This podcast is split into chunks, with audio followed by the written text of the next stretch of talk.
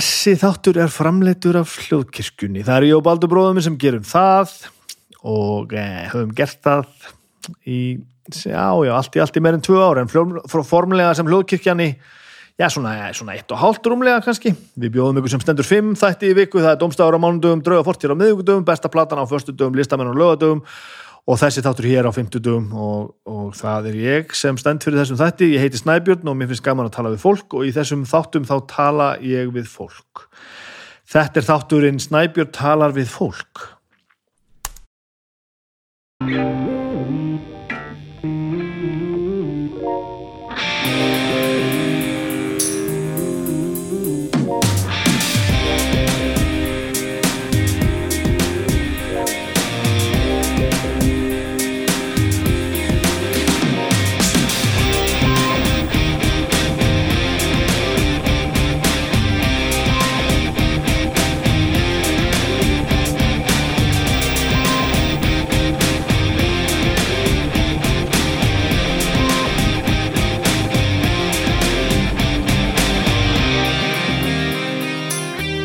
Komið sæl, velkomin í þáttum með Snæbjörn talaðu fólk, mér er skít, skít kallt.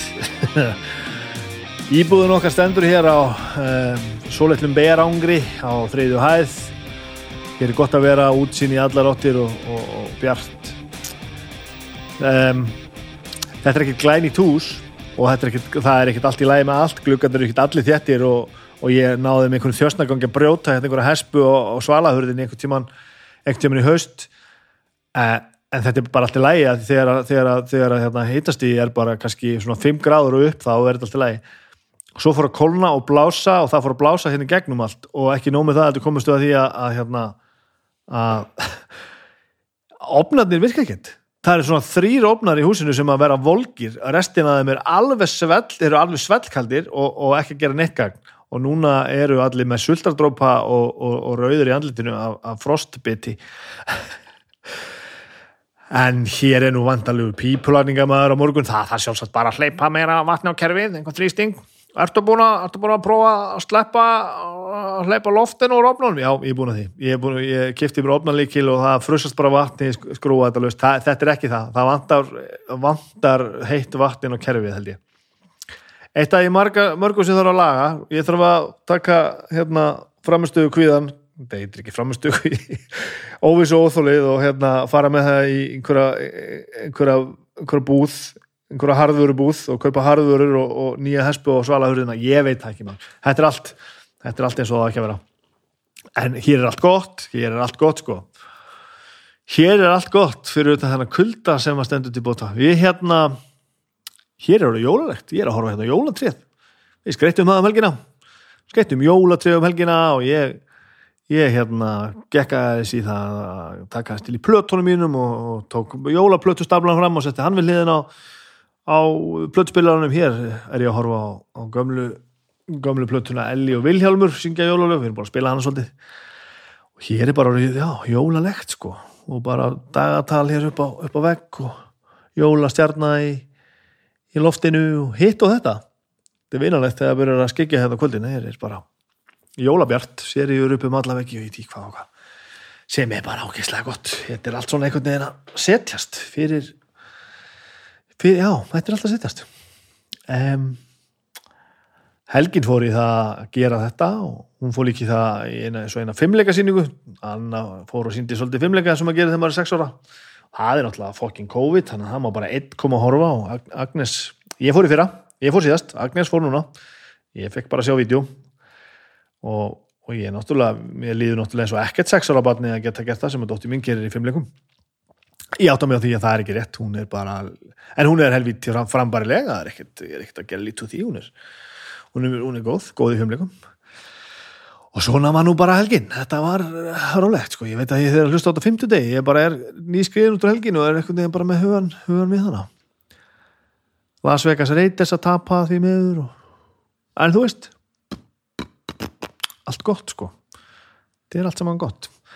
Um, ég er hérna að horfa á það sem eftir að varða omnum skálinni, omnum naminu fyrir, viðtalið ég tók í morgun. Ég ætla það er samstafsæðala sko, omnum ég ætla minningur á það þó að svolítið landsík komið fram í, í aðvenduna að það er ennþá allavega vefsíðinu að þetta kaupa hérna aðvendukassan sem á að opnast ein, ein, fjögur hólf, eitt, eitt sunnudagur einu en ég sé ekki akkur það ætti að vera að kaupa þetta núna og borða það bara allir einu eða bara einhverju röð.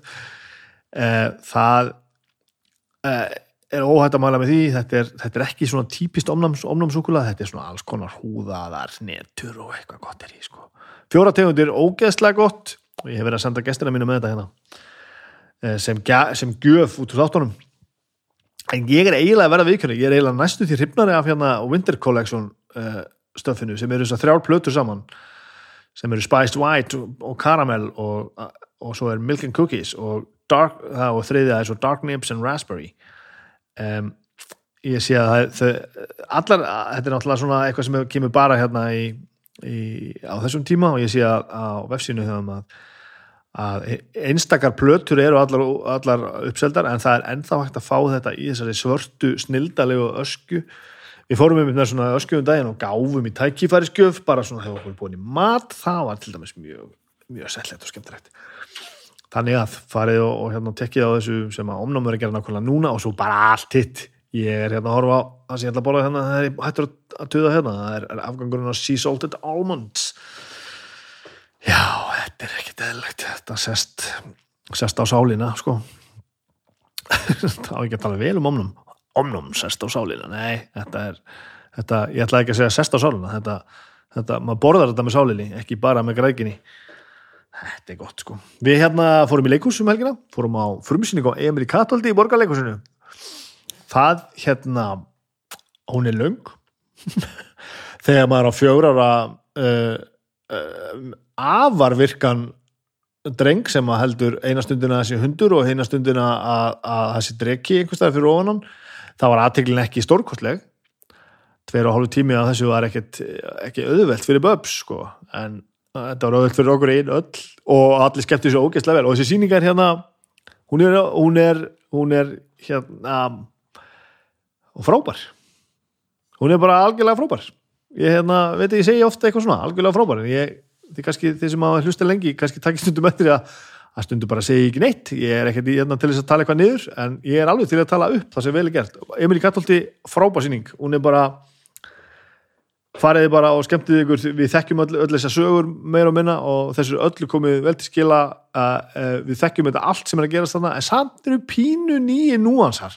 Ég var ánægð með að sjá hvernig það var unnið úr karaktergerð uh, til dæmis foreldra hans. Þetta er ekki bara, bara eins og maður sér svolítið í hérna, eins og gamla sænska sjómasefninu og þetta bara svona Eh, brjálaði fadir og, og meðvirk móðir líka með að segja. Er, það er einhvern veginn bara búið að finna hjartað í þessu og það er miklu mér í afvægi og öllu þó að brjálaði sér alltaf til staðar og þetta er náttúrulega að vera að loka barnin í, inn í, inn í, inn í kofa sem er ekki, sennilega myndur ekki fljúa í dag en e, frábæla leikið og ógeðslega skemmtilegt. Leikmyndin er æðisleg og þetta er bara einhvern veginn við erum svona old school, ei, fari leikus það er gaman að fara leikus, ei þannig að bara ég get mælt allarleið með því.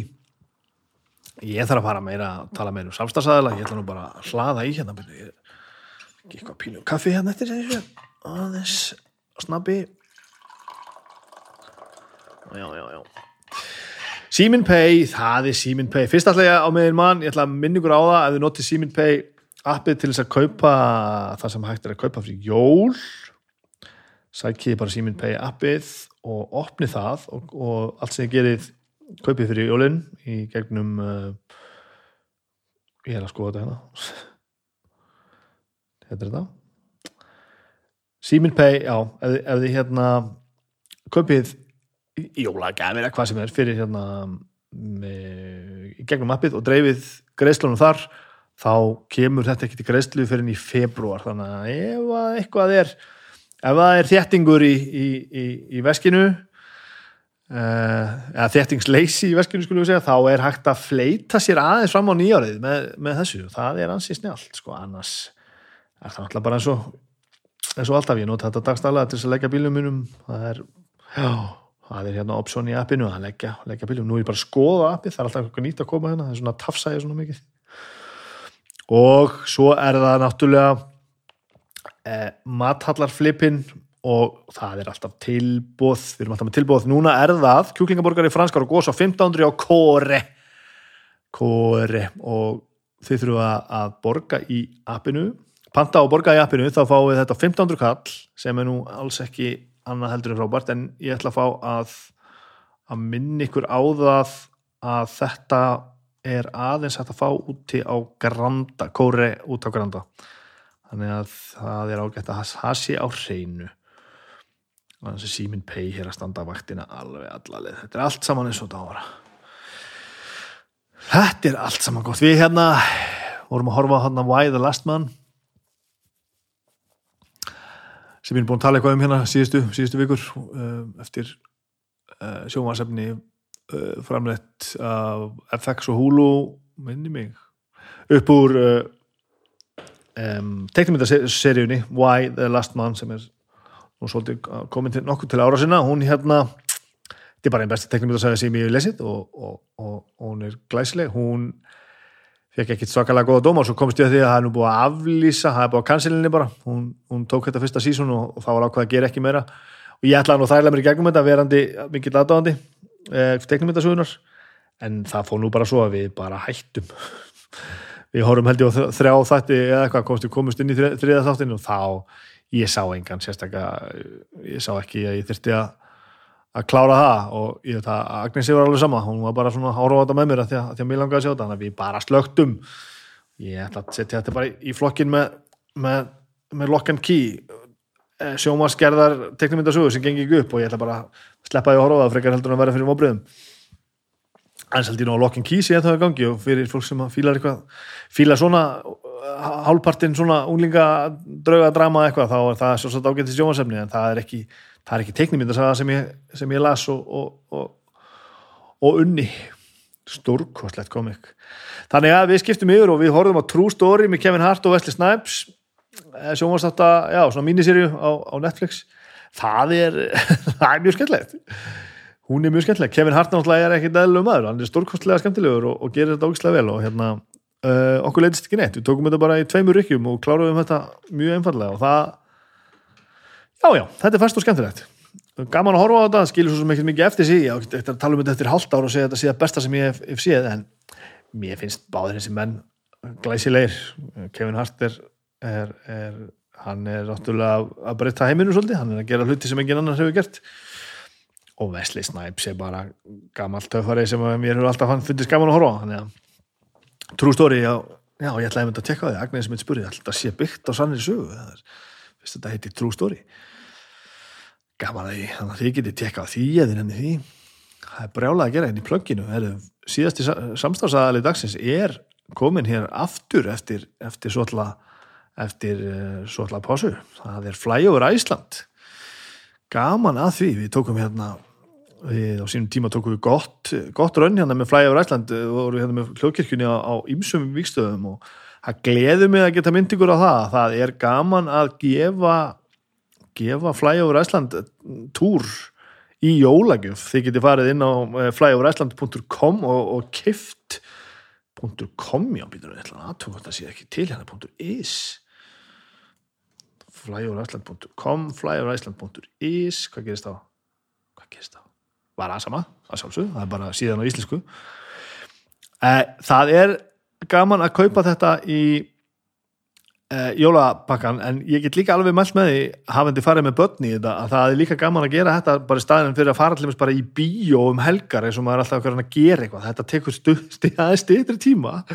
Þetta er meiri upplifur heldur en enn bí, bíósýningin og, og þetta einhvern veginn er svona það er búið að gera sér mikið úr deginum um að ferða þetta bara með krakkana og, og bindur þau först í setinu og láta, láta þau fljúa yfir Ísland.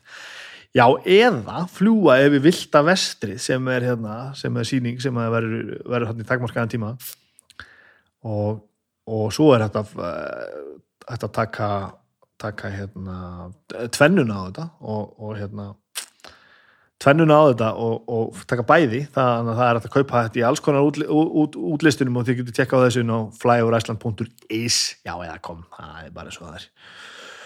Þannig að, og aftur þið getur um, keift gæðabrið hjá Flyover Iceland þannig og, og á, það gildir á alla síningar og ég sé hérna eru fyrirhuga tvær nýjar gestasynningar 2022 þetta er nefnilega, þetta er ansi þetta er, er nýtaðan að miðil mjög skemmtilega. Þetta er ekkert lengur bara að fljúa yfir yfir og gegnum dyrhólaði. Það er hægt að fljúa yfir allan anskotana á þess að ég þekki smáatriðin við vera, vera framleysla þess út um allan heim þannig að afar skemmtilegt.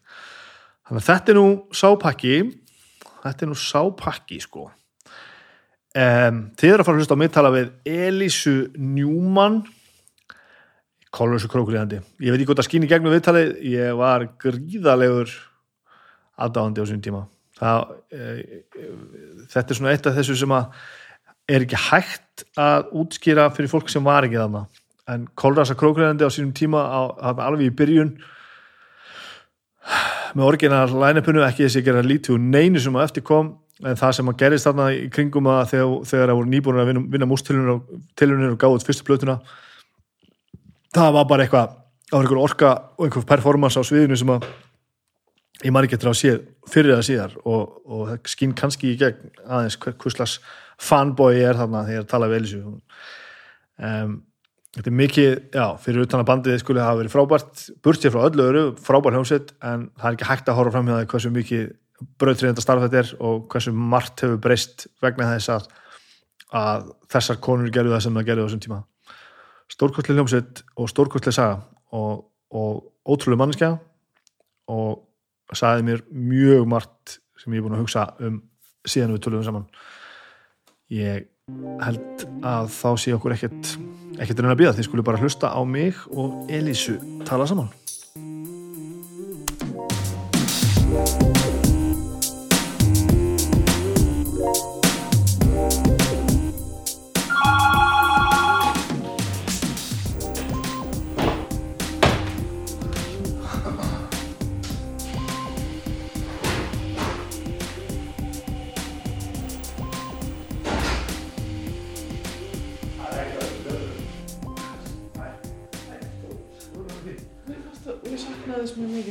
ég úti að hafa ekki sjó fjall. Sjófjall. Já, já, bara það veit ég hvað ég er, sjófjall. það var bara Ríks ég, svo, svo er þetta alltaf sko fara að fara að ná mig núna sko. Já. ef við, úst, svo erum að túra og svona landir í landi og svona finn ég alveg fyrir því, við erum ekki þetta er eitthvað svona við varum að tala um eitthvað annar um þetta dag sem bjó erlendis líka. Þetta að hafa sjóndildarhingin alltaf þú veist, maður veit alltaf, maður sér alltaf dú, allt, skilur við þegar maður er úti þá sér maður engin eitt þá er maður svona óörugur inn í bara einhvern svona já, maður er alltaf einhverjum tilbúrum kössum og allt búa, búa allt til, sko. Þannig að, þú veist, maður, hún sagði hver var þetta, var einhver kona. Og sagði hún fór alltaf upp okkur að hæða til að horfa bara á sjóndildarhingin bara til þess að ná svona bara þess að ná út Já. með hvernig væri já. ok, og ég var alltaf ég var alltaf eitthvað um sjóin, hvað er sjórin? hvað er sjórin núna? hvað, þú veist, hvað er ég? er þetta áttamál hjá þér að já, þetta er eitthvað svona því að svo er ég alveg áttaveltur ég, ég, já, ég er enn- mjög áttavelt ég þarf ennþá að hugsa, ég sitt hér hvað norður er sko, ég er alveg það sko. Já, nákvæmlega. en það hjálpar þegar maður veit hvað er sjórin þarna og sjórin er já, þarna. Já, þannig að þetta er svona en svo er eins og þú veist óst að leikur að þessu fyrir að túra einmitt, sko. maður lappar á rútunni einhver staðar og maður er bara einhver staðar sko. og Jóngi bendir bara og segir bara að þetta er söður bara, veist og fyrir allt þetta farsímastöf sko. ok, og bara, það er nokkuð gott sko, ég er alltaf, ég fer inn í búður og ekki bútt, veit ekki hvað ég er. Nei, bara, ég er það líka. Herru, ég er bara að kveikja á þessu, þú mátt bara að draga þetta til þér eins, langt og þú þorir. Ætlar að bjóða mér upp á kaffi eða eitthvað? Já, hér er kaffi, geggjað, uh, ég kom ekki með mjölkaborðin viltu, viltu mjölk? nei, bara svart. Hér er vatn. Þetta er, ef þú þorir að bora súkulega með að vera að taka vittal, það er ekki alltaf góð hugmynd sko. Það frá svo gleymið því ekki eftir. Lunch, þannig, yes, svo máttu bara hafa þetta eins þér og þú þorir ok. Hvað erum við að fara að tala um, átti ég að undirbúa mig nei, ég, ég, ég undirbjóð mig ekki mikið heldur svona, við samtöl sko. tölum um átt að vita og já, ef við fyrir að tala bara um, um, um, um höfuðáttir og, það var bara gott erum sko. lélið í landafræði. Segjum við eitt samt ég fór eitthvað ég pældi einhvern, ég tímann í þessu glemdi svo að- að hætt svo að hugsa um þetta og fór svo að pæli þess aftur hvaða nafn er þetta? hvað nafn? Njúmann? Að því Emma að sko- Newman? að því ég, einhvern veginn bara í einfældi minni held ég að ég hef bara haldið þú veist, þegar ég var úlingur og við þá varst ekki Njúmann ég var njúmann Ja, þú veist, ég, ég sá aldrei að vera njúmann af því ég Nei. er fann að fatta núna, þú hefur gerðilega verið njúmann sko. ég held að vera njúmann svo varst alltaf, þú veist, njúmann. Og ég bara, já, ok, hún er örugglega bara, veist, gift sig eða eitthvað. Ég myndi aldrei taka mér eftirnafn einhvers manns. Einmitt, mér fannst þetta svolítið úr, úr, úr, úr karakter, sko, Já. veist, ég vissi ekkert hvað þið gæst og, og svo sá ég sko bróðin er, er njúmann og Já. þá svona bara, ok, þetta meikar heldur ég er ekki ekki búin sens að gifta spróðum mínum heldur að sko, það var mér þess að sagt í tímann í vinsældarlistarum það var með eitthvað lag á vinsældarlistarum og þá sagði hérna maðurinn sem er að kynna vinsældarlistarum og já, hún tók um nýlega nafni Newman við enskan mann sinn og ég bara byrju fyrir ekki, er ég búin að gifta mig? Hvað er þetta að tala um? gaf sér að það það Já, þetta, ég var búin að giftast ennsku manni sem er Newman. En þetta er föðunafni mitt. Pappi minn er hálf bandarískur sem sagt afi minn ok, ég vissi þetta ekki kom sem sagt, til Íslands eftir stríð til að byggja upp hérna völlin og giftist ömmu minni og bjó alltaf á Íslandi. Ok, og pappi sko, svo er svona mannanafna nefnd hérna, sem er skemmtilega. Hún sagði við pappa eða það, var einhver lög í gangi hérna í gamla dag og hann þurfti að velja sagt, hvort hann var íslenskur eða amerískur. Hann var bæði. Og hann þurfti að velja íslenskur og hann þurfti að breyta nafninu sínu. Hann mátti ekki vera með, anst, hann var sagt með bandarísnafn Gerald Davis Newman. Þurfti að breyta því í Geir Reynisson. Og það er pappan sýtti Rey Reynisson? Reynisson.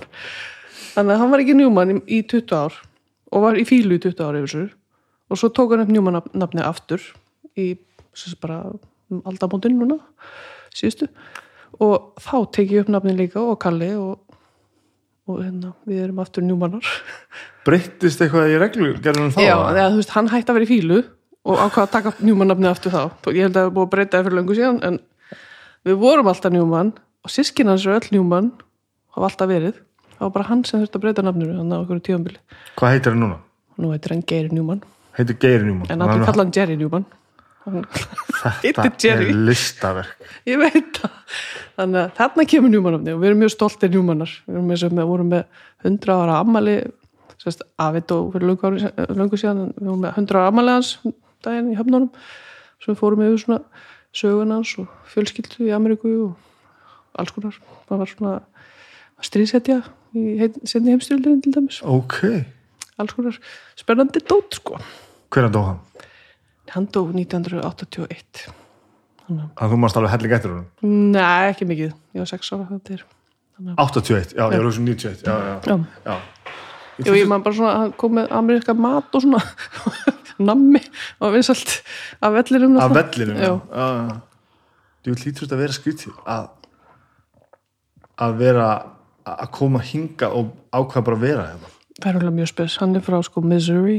Já, bara Southern Boy. En ég meina, þetta var bara það fór allir í herin sem voru ekki ríkir á þessum tíma í gamla daga, bandaríkjum og hann fyrir svo að vinna fyrir herin eftir stríð. Og hann kemur sín á verktaki bara. Og þetta er bara fín vinna, skilur já, já.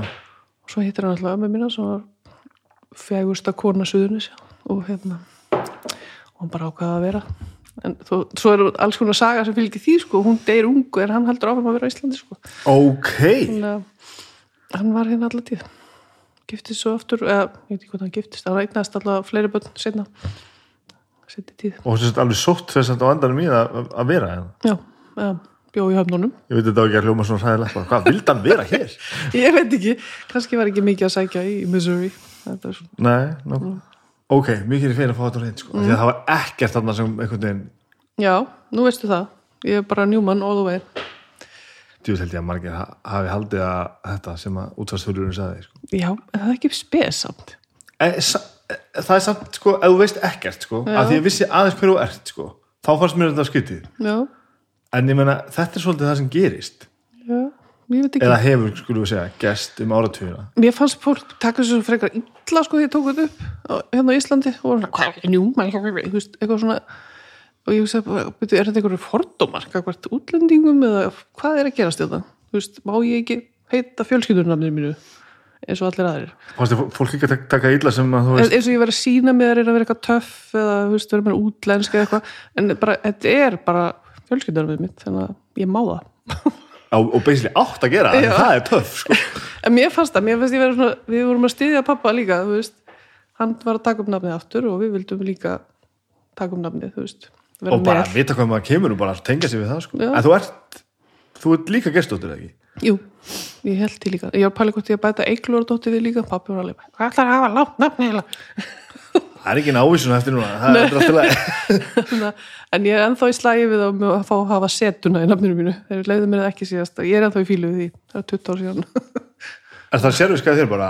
En hvað sér er það bara sérviska, ertu Nei, það veist, Elisa frænka mín sem ég nefndi eftir ég var með setu. Þannig að, nei, og barnaðar er að, að nota það? Já, og það það setan var tekin úr íslensku. Æ, fokk, shit. Þannig að ég og mannnafni nefnd er bara, já, hvað ætli sé ég trúi ekki alltaf stað með þetta sko. ég hvernig ekki. þessi fundir séu? Það er góð spurning. Og hvað ætli fólk haldið að sé að gera? Einhvern tíma, einhvern tíma heyrði ég raukin fyrir því að það, það var aðalega að vera að passa upp á að þetta er ekki fáránlegt sko, að nöfn er ekki fáránlegt Já. hvernig gengur það?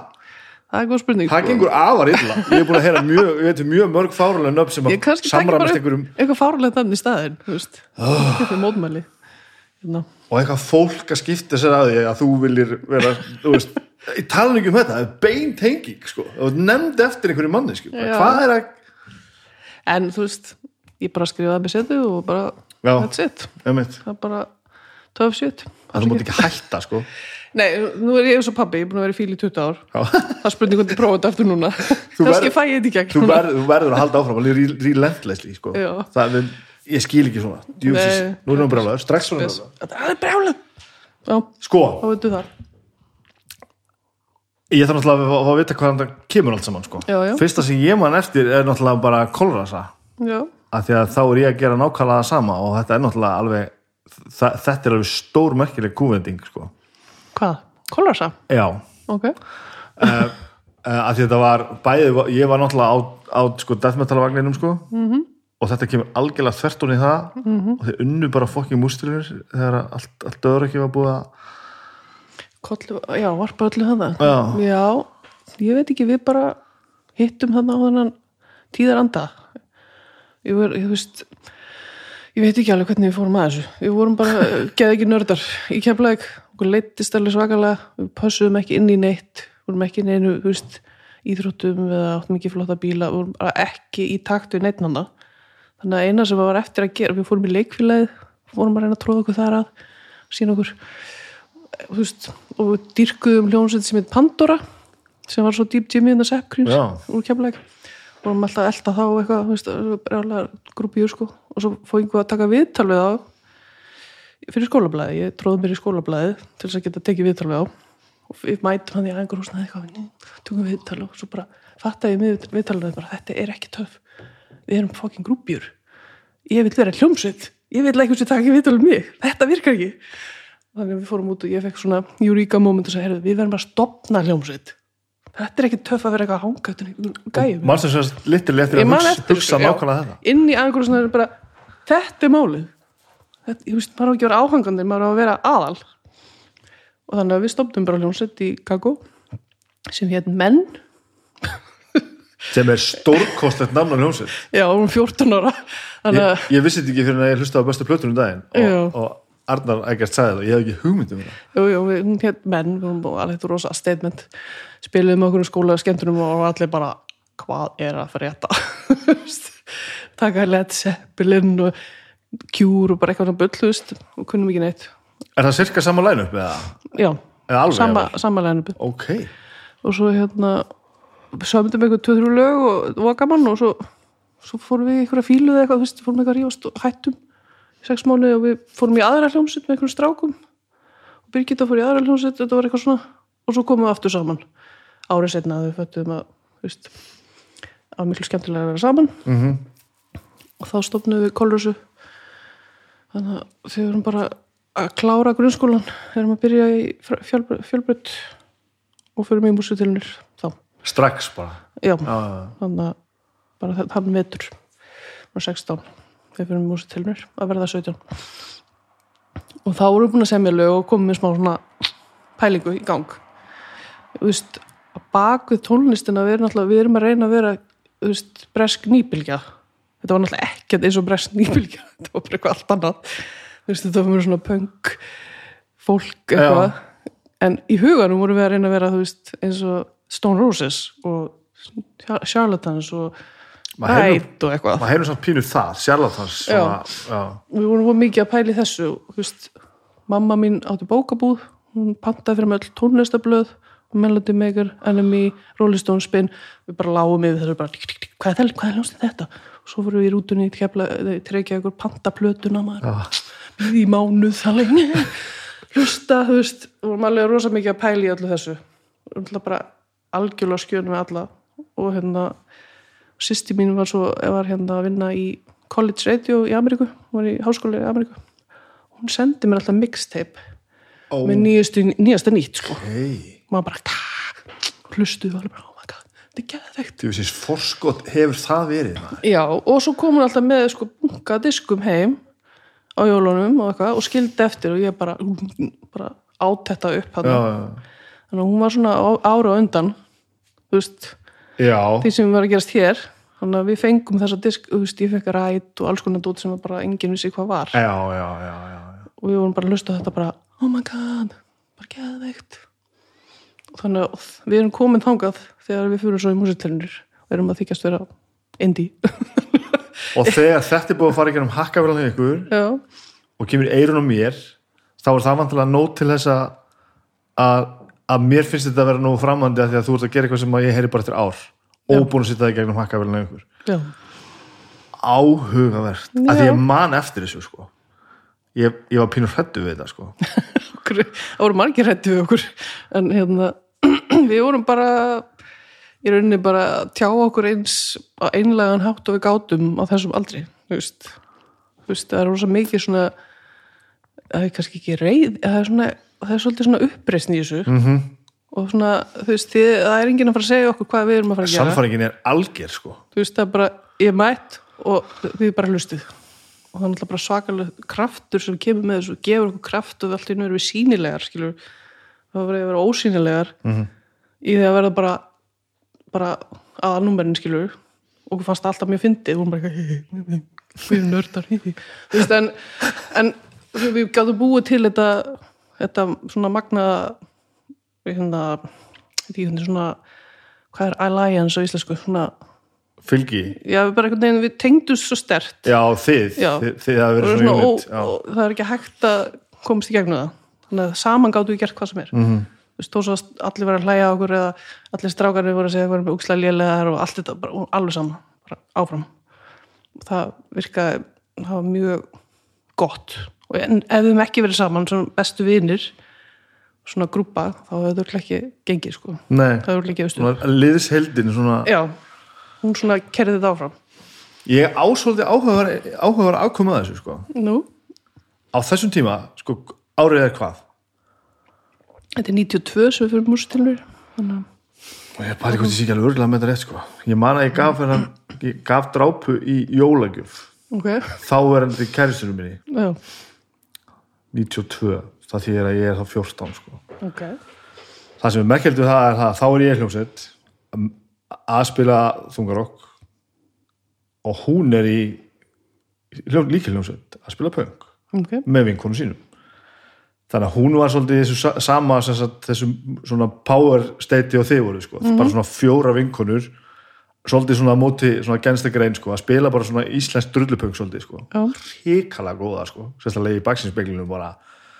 Og þetta kom svo mikið heim og saman sko, þannig ég hafði einhvern veginn svona pínu insýn í, í hann heim sko, og svo kemur þetta og hún tala alltaf svona mikið um þetta sko. Og hérna og að ég, ég man að ég hlustaði svo mikið á þetta einhvern veginn í gegnum þetta sko. Já, já. og það er svona uh, og ég man fyrst þegar ég heyrði þetta þá fannst mér þetta eins og ég segi, ég var svolítið hrættu við þetta því að ég, hérna, ég skildi ekki alveg hvað það var sko. Er það ekki bara gott? Jú, að, að sjálfsögðu þetta frábært Er það ekki best? Maður er bara eitthvað, oh my god, hvað er að gerast? Þannig að, jú, og oft, þú veist, ég hlustaði ekkert á eins og drápa mjög lengi, þú veist, bara lengi, lengi, þannig til við fórum að gera eitthvað svona reunion-dót og hérna, þá setti ég þetta aftur á og ég segi það er ennþá bara, þú veist, það bara eins og ég sé bara að labba inn í einhverja dagbók. Já, þú veist maður bara, vá, ég er bara í mómentinu. Og svona, þetta er svo ótrúlega eitthvað já, þetta er eitthvað svo satt. Þótt að við séum að bulla þá erum við samt bara alveg onnit sko. Og ógeðslega rátt náttúrulega og vandalega ekkert gert það svona lögum tíma Nei, við bræðum okkur og fórum hérna með Jón Skugga í hljóðurita, tókum upp live. Tekið læg Já, all platan er klára á viku sko, Mik mixuð og allt. Hildið að tekið svo ekki kannski tvísar eða eitthvað. Það er mestalagi. Ég var bara, í, bara sett inn í hólfanna og svo voru þær að spila og ég sönga með hann sko. En það var eiginlega ekkert óvöldöpa. Söngurinn og allt Ég minni það sko. Vá. það er bara tekið upp mjög, en við en, erum svona í endan á þessu tímabili þar sem fólk þurft að æfa sig á hann að fara í stúdíu skilur Já, á einmitt. Hann að hérna brótus og allt kemur inn og allir bara, já, bara. Þú veist, við erum bara að æfum okkur eins og brjálæðingar. Já, já, og bara mætum og bara sláum inn og bara let's do it. Og það er rosa mikið í mér ennþá skilur og maður þurfa að æfa sig og vera tilbúin og allt þetta þegar Já. maður fer inn. Og við gerum það líka fyrir næstu plötur eða allavega kynjasögur. Hinn næsta og þar á eftir verður svolítið meira svona crazy en, en það er svona, er rosa mikið work ethic í okkur Er komið sko með þess að ennþá lengra. Ég var að taka viðtalið við Bríeti og hún, veist, þetta sem við við köllum að vera hljómsveit er ekkert í menginu í þeim sko. Nei, hún veit ekkert hvað það er að vera í æfingósnaði nei, hún bara mæti með pródusendum sínum bara með einhverja hugmyndir bara venjulega hún bara með dagbúkina sína bara einhverjar, einhverjar pælingar. Og svo byrja þau bara að leggja niður í stúdíunum -hmm. og bara byggja lögin upp þar. Og svo bara þau eru klá- klár þá eru þau bara klár og svo þarf bara að ákveða hvernig það var að þetta live sko. já, já, nákvæmlega. Það er alveg að, líka aðferð, Nei, og bara stórkostlega aðferð sem ég verið til að tilengja mig líka. Já, já. en það sem ég heyrist þú er að segja sem ég þekki, ég bara, hei ég er með lag. Já. og svo æfur það allt bandi kalna og spilar það þétt saman. Og þá er farið að gera eitthvað með það sko. Það er allavega svona hljómsveitalega myndi ég gera þannig. Þegar ég sjálfa sem ég, þú veist ég, jú, ég útsett allt og ger allt en ég byrja að taka upp. Ég bara gera það bara, ég get ekki veist, ég get ekki byrjað á þess að vera með einhver svona loka hugmyndum hvað mér langar að ná út úr læginu skilur, ég get, ég get ekki gert svona. Ég er með eina línu hérna. Ég bara trillist bara, yeah. nema einhver sé einhver snillingur sem að bara, bara rúlar upp með einhverja svakalegar útsetningar en En hvernig er þetta þá með þetta, hvernig gerur þetta klárt? Ég ætla að lóka þessum Þú veist, hvað, hvað ertu búin að... Ertu búin að taka upp það? Sko, ég tek alltaf hugmyndina bara upp á síma minn þú veist, svona frífló og svo vinn ég í því skrifa niður bækur, alla hljóma og Já, sko, textana út og skrifað. ég skrifað, Ok. nei, ekki nótur bara Nei. hljóma, en hérna svo bara, já svo er ég að m- m- malla svona með þetta svo smá tíma og svo tek ég þau, þú veist en þá er ég búin að ákveða hvernig það á að vera Og hvað, hvað getur mikið breyst frá því þú kveikir á til að slekkur á það matur? sko, hvaða hljóðfæri og það kemur, eru, geta, það getur allt breyst. En útsetningin er ofta stendur sko. Já, ok. ég er svona aðeins að fara að reyna að losa um þetta. Þetta, þetta er ekkert alltaf fóla gott. Bara, nei, þetta er svona. En hérna uh, en já, þetta er bara fast í manni svolítið, þetta að vera búin að einhvern veginn að vinna svolítið með þetta. Þetta var bara það sem var að vera hljómsveit. Við lærðum þetta bara. já, það er líka það skemmtilega að vera í hljómsveit eh, eða ekki Ég, ég er þar ennþá, sko. Þú, þú veist, eins og ég segi, þegar, þegar maður kafar ónýnda með fólkinu sem gerir þetta ekki svona, mm.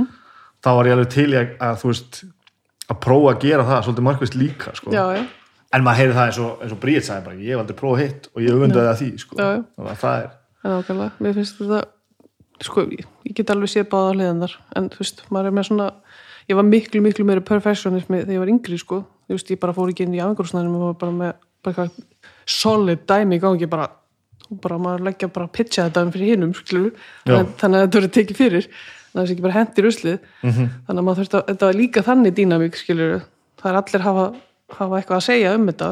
Þú veist, maður getur ekki bara mætt þetta er lægið, að spila ég það þú veist, það gengur ekki. margar hljóstir sem hafa gengið þannig ára tugi, sko. Já, ég veit að það er, þú veist, það, okkar var þannig að allir þurfti að fá að vera með in- input, skilur og þá þarf bara að vera nokkuð tilbúin með pitchið, skilur og segja þetta er, ég er að hugsa þetta svona og, dun, dun, dun, og hérna og, textin á að vera svona og, dun, og þau segja já, þá prófuðu það og, veist, og þá koma þau inn með sitt, skilur þannig að kannski þetta partur af því líka að maður er að vinna í svona dýnamík þar sem fólk er ekkert alltaf sammála.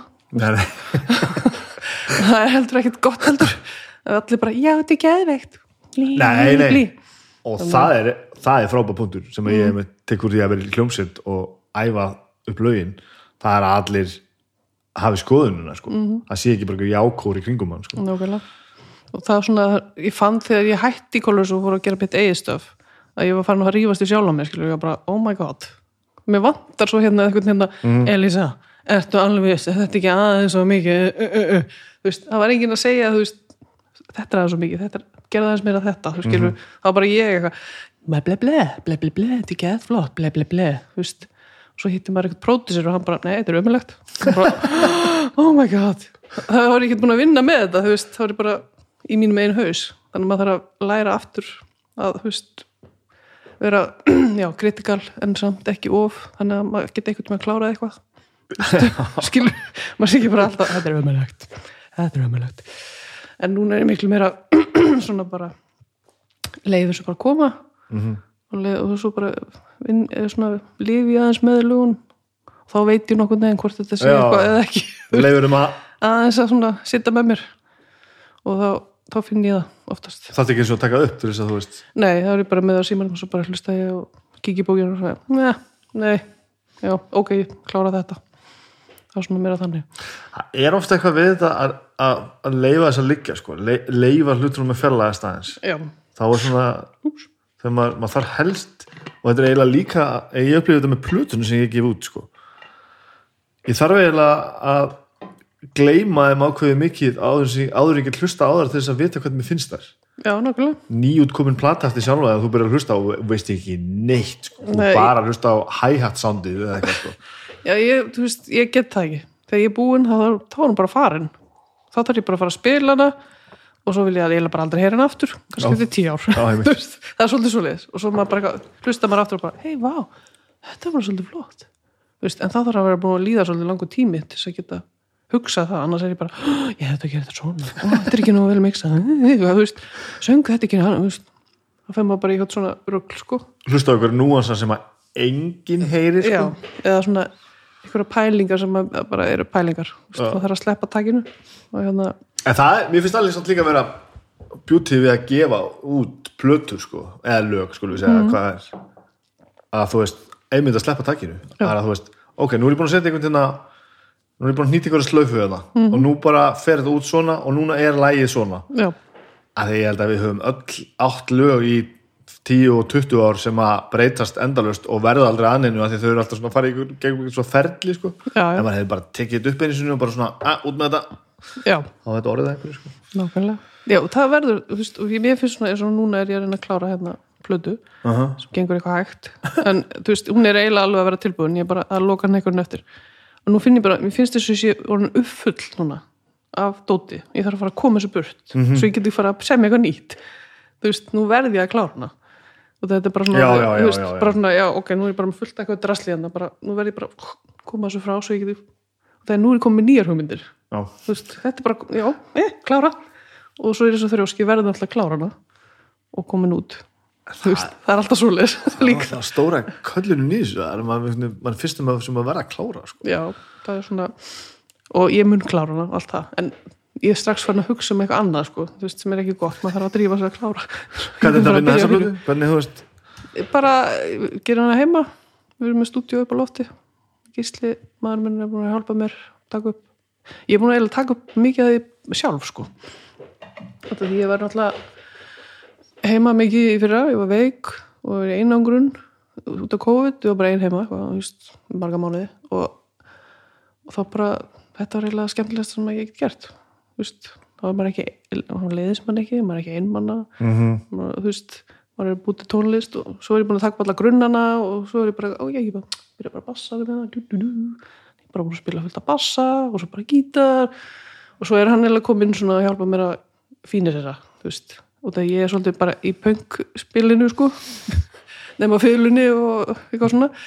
Þannig að hann kemur mér svona mér að svona glossið inn. Hjálpa mér að gera þetta svona að- aðeins mér að stuð að, en ég er búin að spila mjög mikið af þessu sjálf, sem er mjög gaman líka það sem þú ert þú veist bara á upptökunum þú veist bara bassan og allt en ertu samt að vinna þetta eins þannig að þú ert eiginlega alveg klár með útsetningar já, ég, ég tek upp útsendinguna fyrst sko, alveg bara á piano eða gítar eða ukulele og syng allar línunar og allt bara.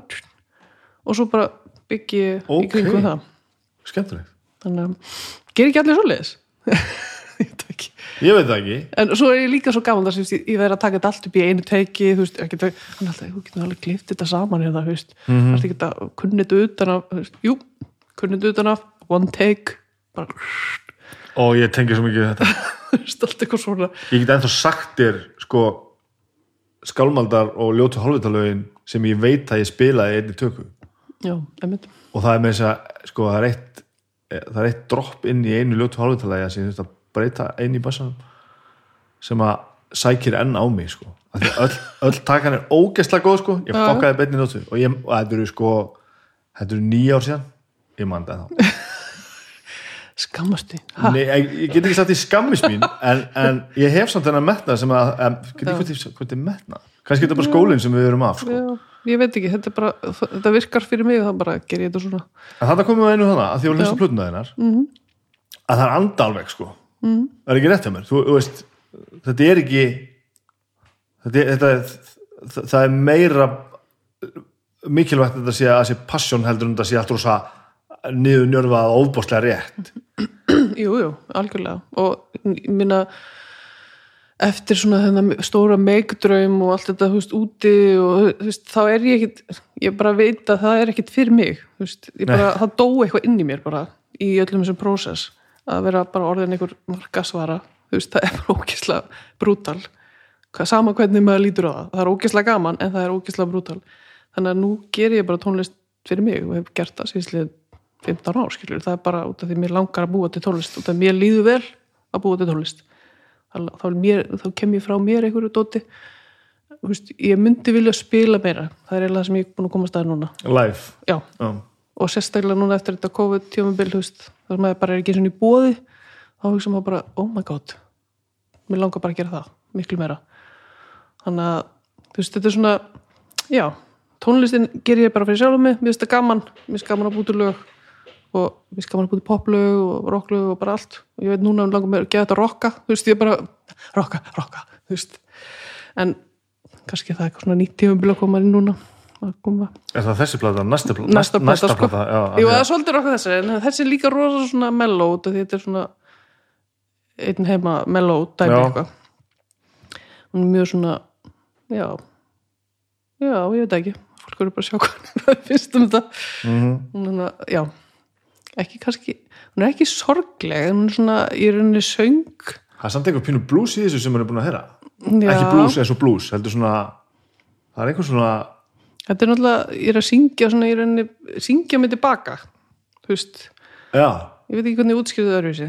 Þú veist, að ég, ég gæti en þá verið að semja og ég gæti en þá þú veist, ég verði ennþá til og þú veist, maður, maður svona hverfur svolítið þegar maður verður þú veist, í svona ástandi þar sem maður er veikur og maður er tekin umferð skilur mm og sem er bara svona, betur er ég þetta þá? Þú veist, þannig er fugl bara, hæ, þú veist, þannig að sem, ég samdi mig einhvern veginn tilbaka. Ég veit ekki hvernig ég það öðruvísi geta sami lög til þess að sem, finna sig aftur skilur svona á núlpunkti og það er eitthvað en ennþá skilur maður er bara ekki bara alveg grillaður bara já, ég skilur. bara að einhvern veginn sem þessu nýri bara hjartengingur, bara nýri rótina. Já, hvað er þarna innst inni skilur og það var ennþá eitthvað þarna sem var mjög gott. Þegar ég var ekki alveg viss. Maður bara uh, ok. Þetta er örfend. Já, þannig að ég bara, já, þú spilar ekki örfend á fyrirluna nei, réttend ég spila ekki réttend á gítar þess vegna er lélega gítar. En ef þú spilar örfend á loft, og luftgítar luft, auðvitað, nákvæmlega. Vá, þetta er Hérna Vá, hvað getum talað um Martina sko. Já, Tökum þetta bara í krónológi bara, hérna, áður í gleymi því samt. Hvernig var að hlusta á drópuð þannig eftir, eftir allan tíma? Að því hún er náttúrulega augljóslega, þú veist hún er svolítið mikið fyrsta verk, sko. Já, mér varst hún bara æði. Hún var miklu meira æði heldur en ég myndi Mikið gaman að heyra að því hún er hún er náttúrulega frábær, sko. Veist, hún er alltaf rosa svona röff ég get alveg heyrt hvernig við höfum getið gert eitthvað betur eitthvað, en það er, þetta, er, þetta er moment, skilur, í tíma. Og þetta er eiginlega fullkomin moment í mínum huga.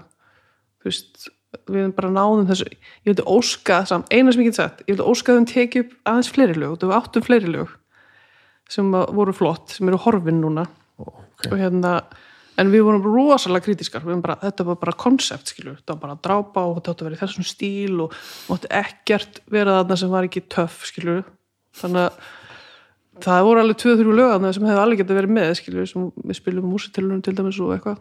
En að, fyrir utan það þá bara, fyrst mér bara geggjuð sko.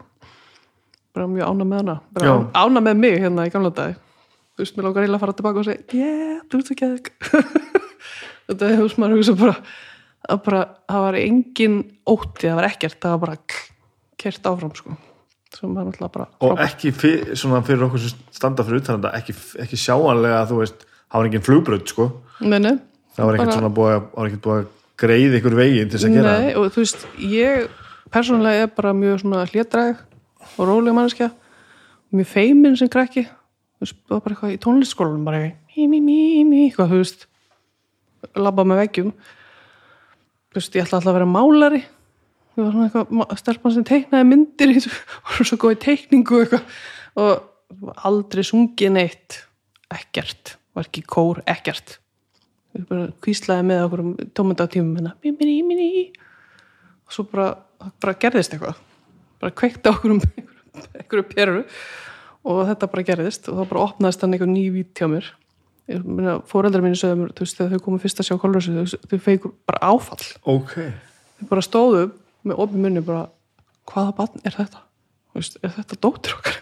bara trillast. Og var þetta fullkomlega eðlislegt að gera þetta þegar þetta kom í gang? Já, það var bara eitthvað, veist og við ákveðum sko hverju átt að spila hvað út af ykkur bara bulli. Og ég hef með alveg eins hár og sig geibrek í pandoru ég er með svona hár eins og hann þannig að ég fæ að vera aðal eitthvað, veist, ok skiptum sér svona, veist var engin, ég var ekki búin að sína að mér getur sungin eitt þú veist, svo bara byrjuð við.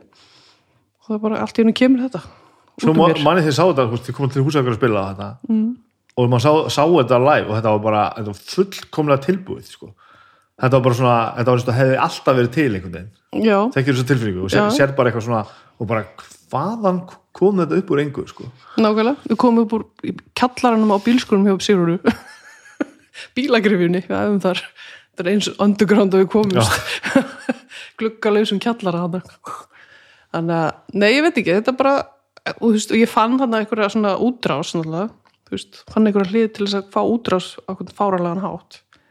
Og þú veist, þetta er eiginlega svona þú veist, að syngja svona á útofnu og trillast er bara eiginlega það besta sem þú getur gert. Mm. þú veist, þetta er bara sálfræði fyrir allan peningin þú maður er bara góður eftir það bara ekki allir bara slagir hérna þú veist. Það er maður alltaf bara búin að fá útrás fyrir öllu á sviðinu. Þannig að frábærlega til þess að, að líða vel. Ég held ekki hægt að lýsa þessu fyrir eitthvað sem hefur ekki gert þetta. Nei, þetta er ótrúlega tæming sko. og líka þetta eh, sko ég held sko, maður, maður er að hugleiða og maður er að, veist, gera alls konar hluti og fara í göngutúra og tala í sjóin og allt þetta, en veist þetta hæ sem að færa því að koma fram og bara gleyma sér og gleyma stað og stund er eitthvað sem er voða erfitt að toppa sko. Það hverfur allt Já. annað og það er náttúrulega skytið og ég er búin að sp- spila út um allan heim og fullt bara miljón stöðum. Þetta er, rennur allt í ein, eina tilfinningu. Ég man ekkert eftir rosalega mörgu skilur, ég bara, man ég fyrir bara svið og svo er ég bara búinn. Þú veist, svo er ég bara næsti staður. Og þetta rennur, rennur allt svona saman í eitt svona stort eina svona upplifun einhvern veginn, ég veit ekki hvernig ég lýsa þessu. Og fer einhvern svona trans bara. Ég, ég, þú veit ekki lýsa þessu fyrir mér sko. Nei. ég veit alveg, ég uppið þetta algjörlega eins, sko. Já, ég stundum, stundum veit ég ekki hvort, að tónleikandi voru sko, tíu myndur eða, eða tveir tímar sko. nákvæmlega, það er rosa gaman. Það tekur á en það er mjög gaman. Já, og eins og þú segir sko, þetta er einhvern veginn bara þetta er sálfræði fyrir allt. Þetta losar einhvern veginn um allan anskotan sko. Já, og það er ekki þessi prímal eh, reyði og bara allt skilur þá getur bara kom, þá getur bara látið þetta allt flakka skilur, sem er bara geggjað. Stundum var náttúrulega, var náttúrulega bara alveg að útofna skilur maður, ég er búin að stage stæfa og veist, berja eitthvað með mikrofón og öskra og hoppa á fólk og veist, fólk hoppa á mann upp á svið og veist bara það, stundum fyrir maður aðeins yfir strikið en oftast bara er þetta bara geggjað en bandi var harðar á sviði heldur en á plötunum Já, já, við höfum alltaf rokkaðari á sviðið, sko. var það meðvitað eða var það bara svona eitthvað Nei, meðvitað, við höfum ekki, við meðvitað. höfum bara, við höfum bara í stuði, sko. En að meina, plötunum við vorum alltaf að reyna að læra að búa til góða plötur og þú veist alltaf að reyna að bara taka skrefin áfram skilur, mm. eða gera ekki að sama aftur. Og þú veist, það voru ekki allir, allir sátti við það sem við vorum að gera en okkur var alls sama, við vorum bara að gera það sem okkur langa að gera.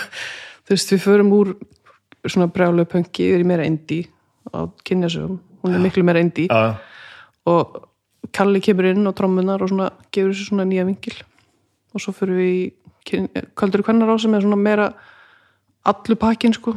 Þú veist, við erum að fara aðeins í poppið og rosa mikið rock líka.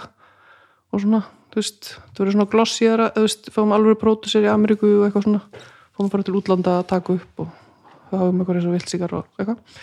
Og, og svo þegar það er búið, mér finnst það einhvern veginn svona hápunkturinn á Colorsu það, þú veist, svo plata. Við náum einhverju svona pík momenti þar. Já, og þá vissum við ekki alveg hvað áttum að gera næst þú veist, þú varum bara hvað gerum við nú? Við erum búin að gera veist. og þá fyrir við í Bellatrix og gerum hann svona raf pop, breytum við svona aðeins yfir í það og þú- fannst við ekki vera alveg við vorum ekki alveg viss hvað við getum gert meira í þessu sjónura sko þannig að nafnabreitingin er meira heldur en bara ætla að fara að meika það einhverstaðar. Já, nei, þetta er meira bara að vilja halda áfram að spila saman og gera eitthvað. Þú veist, við fórum að vinna með hann að Bippa Bjalla í Northernlight Orchestra sem voru svona teknogæjar og þeir voru vinnars kalla. Já, Þeir koma inn í þetta og fara að remixa fyrir okkur og okkur fannst það svo skemmtilegt þannig að við ákveðum að vinna meira með þeim. Sérf Colorsu og Bellatrix ekki sem saman bandi Jú, jú, nokkuð deginn en við svona þróumst yfir í Bellatrix og hérna jú, jú, þetta er þetta sambandið Já. þetta er bara en svo tökum við þess að við vorum farin að kalla okkur Bellatrix Erlendis gæsir. Já. og hérna uh, vorum með smekklis og þau voru að að plugga okkur sem Bellatrix og svo voru kolur sætt nefnd og voru svolítið flókið allt. Og við bara ákvaðum að skipta bara. Mm -hmm. þegar við okkur langaði að reyna meira úti. Og þú veist og þetta teknodæmi var rosa gaman. Þú veist, það var hann garbage og eitthvað svona hljómsætti sem voru að gera svona, Ah, það var rosa töff. Og við vorum að reyna að vera svona eitthvað í þá áttina. Það var bara, þú veist, að reyna að þróast áfram og mér finnst alveg hann á G-plutunni sem við gáum fyrir Bellatrix platan, hún er þú veist, það er alveg svona lög hann sem eru kannski svolítið svona sigursætt en svo eru önnulöguna sem upp ég held sem bara eitthvað af því besta sem við höfum gert skilur, eins og Silverlight og Once More þú veist, ég hlusta á þetta bara, wow, þetta er smá svona, þú veist, hljóma pingu næn- þú veist, 90s, en lögin eru geðveik, þú veist, það er eitthvað aðna, maður var svona, wow ég alveg vilja fara kannski aðeins lengra inn í það, en við svona einhvern veginn síðasta platan lendir svo einhvern veginn svona hana eitthvað störa á milli. Í svona pop eh, smá elektró en svona eiginlega bara indie pop. Já, og upplifir hana þannig. Já, Já. hún er samt svo rockarinn með Já, myndi sko, ég- ég hlusta á hana aftur um daginn og ég sagði, já, ok. Þetta var Þegar ekki, fyrir mér er það nefnilega hún er pínu eins og eins og þið hafi verið að fara tilbaka sko. já, við vorum í rauninni að fara aðeins tilbaka veist, en við vorum ekki alveg viss. Og það hafa nei. verið að tóka okkur alveg svo okkarlega stert inn í pop sko. Og við vorum að reyna svona að halda í okkar identity líka. Mhm. þetta var, þetta var erfið, mjög erfið plata. Og það, veist, ég náði ekki vel saman við pródusörinn til dæmis. Og hann var að reyna að skamma mig og segja mér hvernig ég átti að gera hlutina það ég tek ekki vel í það. Ég, hann, hann teiknaði upp svona tappborð inn í stúdíónu og gerði svona The Queen og láti mig standa, mig standa þar inni. Og ég var alveg berjáluð strusað út. En hérna ég var sáfærið um að koma aftur inn til þess að klára þetta. Þannig að þetta var svona ímislegt sem gekk á. Þannig að en hann var alveg fínt allt það. Veist, þetta endaði allt vel og allt það en þetta bara svona þú veist, maður er komin í einhvern annan heim. Þannig bara fullt af peningum og fullt af fólki að vinna fyrir mann og bara eitthvað svona pressa sem að maður þekkti ekkert áður. Við höfum alltaf gert allt sjálf og bara gert það sem við vildum nú þurftum við að halda eitthvað svona production fundið um allt skilum að bara ok, megu ekki bara gera þetta? Nei, það er ekki hægt. Bara, ó, ok, hvað hefur þá að gera? Þú þannig að þú veist, við búum til okkar eigin vídeo og gerum allt sjálf. En núna þurftum við, þú veist að vera með alls konar fólk og sem var alveg gaman og við læriðum brosa mikið að því. En allt öðru sér bara mm -hmm. pælingar sko. Þannig að, Þau erum bara alveg aftur. Mér langar að taka þetta bara alveg bara frá því að fæðist og þá ætlum við bara, bara oh my god Já, engin pressa. Hvað hérna, viltu vita? inn, í, inn, í, inn í hvernig aðstæður fæðistu, hvað, eru þið þrjú sískirina? já, hvernig aðstæður? Já, þú veist, er, er tónlist á, er, er tónlist á heimilinu og, og svoleiðis? já, já, sko, ég er alveg upp í Keflavík. Uh, mamma og pappi fluttu í eigabyðina hann því ég fæðist. Sem eru húsin sem voru eigahúsin sem voru sett upp þegar skosið var. Já, kefti eitt af þeim húsunum svona lítið, nost hús. Uh, pappi var flugmaður og í slökkuliðinu og bífilegvirki og bara allur pakkin og mamma var í Svona banka. maður. Já, mikill maður. Og síðan þegar við erum, veist, við erum bara svona venjulega verka manna fjölskylda í rauninni og mikið tónlist. Pappi mikill bílamaður og Stones og, og amerísku, amerikana tónlist skilur þessi ameríska tenging sko. Hann mm -hmm. bjóði í Ameríku þegar hann var að læra að vera flugmaður. Og hérna mikið hlusta á plötur heimi á mér. Við máttum ekki snerta bílaplötunar til dæmis. Það eru verið sér rekka. Og maður alltaf bara bílaplötunar og settu það á þau voru ekki heima skrætsi, En ma- nei en máttur þú hlusta allar hérna? Er Já, við máttum, við máttum hlusta en það, þetta var svona seramóni skilur, má ekki vera fykta í þessu þú veist, þetta má ekki rispa þetta ég er með bílasamni núna sko, ég fekk það. Sama saman? já, já, þannig að Og ertu með þessi rekka og það er bara já, já, bara ég. Nei, nei, hérna jú, já, mikið tónlist og pappi spilar á gítar og þú veist, var í hljónstuð þegar hann var yngri. Mamma var upprunalega söngkona, segir sagan.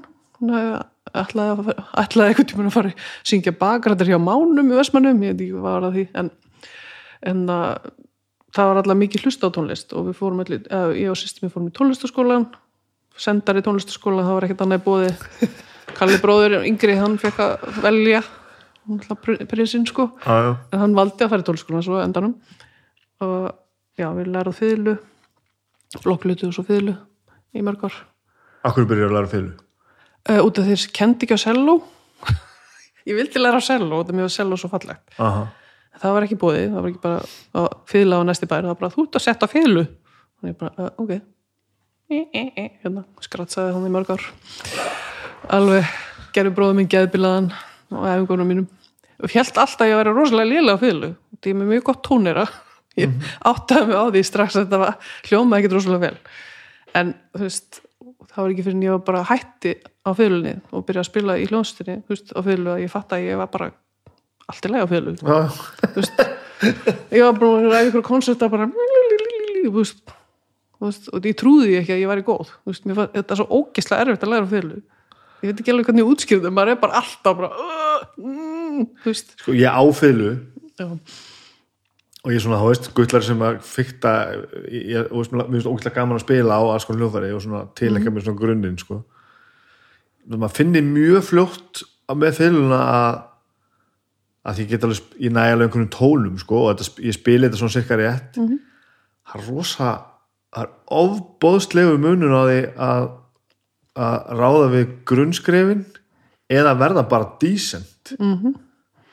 Sko, ég, þegar ég fór í hérna meistarann mitt úti, kennslu frá tónlistar þá fór ég mitt að læra mikið um hérna hljóðfæra kennslu og hvaða hljóðfæri er erfiðast að læra og, og auðveldast og hvað er besta brottfallið er og allt þetta. Og maður skoða alls konar svona rannsóknir og þá kemst ég bara að því svart og hvítu að uh, sko strengja hljóðfæri er bara miklu, miklu erfiðar að læra á. Já, já, já, tæknilega. Og bara þú þarft að leggja miklu meira í það sko miklu fleiri klukkutíma til að verða góður heldur en að læra á blásturhljófari til dæmis. Og lest vantanlega þetta var alltaf þú veist, það sem þessar rannsóknir síndu fram á þannig að þú þarft meiri tíma í æfingar ekki ætla að tala um fagott sé, sé erfiðasta hljóð fyrir Já, ok, það getur verið en það er náttúrulega ekki venjulegu blástur það er náttúrulega bara fyrir einhverja brjálæðingar sko. þú, þú veist að komast yfir þessi grunnsti og komast í, þú veist, teku meiri Já. tíma já, já, já, og ég, flesti gefast upp áður en þeir komast okkar já ég, eins og ég Já, nákvæmlega. Ég gafst upp líka, þú veist, á fylunni á endanum. Ég var pínd áfram bara ólengsárunum, ég ætlaði að hætta. Mamma bara, nei, og heldur áfram. Og þú, já, hún takka mig fyrir einn daginn. Bara, hérna, ringdi reyndar í þann daginn eftir músutilinu og þakka henni fyrir. Formlega. Bara, formlega þakka henni fyrir. Og hún var bara mjög ána með það. Að, en fyllunámið er náttúrulega samt að bara alveg svakalega góðu grunnur. Já. Það er bara alveg bara solid, sko tónera, allt þetta, þú veist, fílingur allt, allt þetta fíl sko já Þú, þú, feikar það ekkert sko Nei og ég, þú veist með mína, þú veist, örfáðu dagar sem ég hef reynd að drulla mér gennum eitthvað fylgum einhverju lámast leðsög, sko ég, ég á svo að svo langt því að ég geti fyrir að tjá mig eitthvað með, með hljóðfærinu, sko Já, allir þessi núansar og þetta víbrato og þetta, þetta intónur Já, svo er allir með sinn, sinn stíl og svo það, sko Já, bara, þannig að og mér fannst aldrei, mér finnst þetta ekkert skemmtilegt að vera að gera eitthvað æfingar hérna hræðilega leðilegt skalanir og allt þetta, engan áhuga á þessu ég vildi bara spila fallega veist, hlusta koncerta breyta og veist, ég var alveg óþólandi og alltaf eitthvað kenna að það stendur ekki þetta. Ó, ok, en þetta er fallegt svona. Hún bara, já, heldur að Mozart hefði sagt það. Bara, getur vel verið. Þú veist, mér langaði bara að upplifa tónlistina, skilur mér varst svo gaman að læra nýja, nýja lög og nýja koncerta og þóldi ekki tónfræði, þú veist. Var bara ekkert að, ég spila bara fyrir eiranu og gaman að spila, spila klassikina já, rosa Já. gaman. Ég fyrir svo í, steði ég hætti í tónlistaskólanum í ykkur uppreisnanda og hérna þegar ég var 16 þá var ég lögráða vikaráða hérna, ég var byrjuð aftur í tónlistaskóla tveim ára setna, skilur þá fyrir í söngskólan og tek hérna söngprófið. Já, þú er náttúrulega, þú veist, klassíku leiðina þar. Já. Það var ekkert annað búið, það var ekki komið listaháskóla Nei, það er neitt, ekki skilur komið þetta. Það var FIH sem ég fannst of ponsi og þegar ég var indi eða þá þetta sem er náttúrulega miklu meira ponsi en þarna hugsaði ég, ok ég læri allavega meira um þessa tónlist mjög skemmtilega Já, skilur, já. og þú veist, ég fæ góðan grunn. Þannig að ég skellti mér í sögskólan og alltaf alveg svo skratti út úr söðalegnum þar en það var bara gaman. Það er alveg drama í óbrunni sko, já. mjög skemmtilegt. Þannig að Og, og hvað, þú veist, hvað ætlaður að gera með það? ekki hugmynd Jú, ég ætlaði að reyna að komast erlendis í skóla, í listaskóla. en þú varst ekkert að stefna á óperusöng eða eitthvað svona, Nei, eiginlega ekki. eiginlega ekki Nei, ég meina, ég ætlaði bara að sjá hvað ég væri góð. Þú veist, meina, það, Emiliana var líka þarna og það fullt af fólki í skólanum, skilur. Þú veist, þú voru bara að læra söng Já. og þetta var bara góð grunnur. Og nei, ég held í huganum stemdi aldrei að ég verði óperudífa, sko, og það mér finnst það alveg fyndið og skemmtilegt, þú veist. En þetta var meira bara um að fá fá hennan grunn skilur og fá meira meiri tónlist bara veist, verða sterkari En þú horfur á þetta sem þú veist námið þitt, Já. þú, ert að læra þetta Já. þú ert ekki svona eitthvað hobbyast í einhverju söng með, já, ég ætla að vera líffræðingur. Nei, nei, nei, ég var fó bara í þetta og svo var ég bara í hljónstinu ég ger ekkert annað. Ég var bara klára, jú, ég klára andla studentspróf það var skilirði heima á mér til þess að fá að búa heima á mér. Og mamma sagði, ég skal hjálpa ykkur með hljónstinu en þú klára studentspróf ok. Þannig að, Já, fer dýl já, mjög góð dýl annars hef ég aldrei gert það. Nei. hún hjálpaði mér mikið. En, og svo fór ég í þetta og, og var bara í því og á músisera og kláraði þarna lokapróf eða þú veist, einsöngur að próf eða hvað sem þetta kallast. Þannig að árum fyrir út. Og þá svona já og svo fær maður náttúrulega maður, maður lærir píano líka og maður lærir hljónfræði og tónfræði og tónlistasögu og þetta, veist, það er allir pakkin inn í þessu sko. Já, já. þannig að, Og nettur þá að tilhenga þér það? já, finnst það mjög skemmtilegt bara, og ég var á nógu gömul til að læra tónfræðina veist, þegar maður er áttara með eitthvað dóðrand bara, um hvað er þetta að tala hann er því heim að læra hérna stafra á tónfræðinar og bara, Og veist líka ekkit af hverju að læra þetta og þú skilur ekki lókikina sko. nei, það er bara starfræði, veist má Ég er mjög góð í starfræði en ég maður þegar ég var fyrst að læra tónfræði þá var ég bara, ég skil ekki alveg ég skil ekki neitt hérna sko. mm. svo alltaf bara kemur einhver og sýnið 500 hringinu bara, já þetta gengur upp, já, Já. þetta mega sens já, já, ég, það meik ekki að það er svo meika sens fyrir mér, út af því ég spila alltaf eftir eira, Ég var miklu fljótari að pikka þetta upp, bara, getur við spilað þetta fyrir mig einsinu, hvernig það var hljóma? Svo spilaði kennar með þetta, bara, ok. Ný, ný, ný, ný, ný, ný, ný. Jú, jú, ég, ég les nótunar og ég kann alveg að lesa nótur, en ég er alltaf fljótari með eirað. Mhm. og núna er dóttir mín í Suzuki námi til dæmis hún er búin að vera að spila núna einhverja konserta bara eftir eira þú veist, hún er verið með nótunum fyrir ram hún, hún bara, já, flotta nótur og bara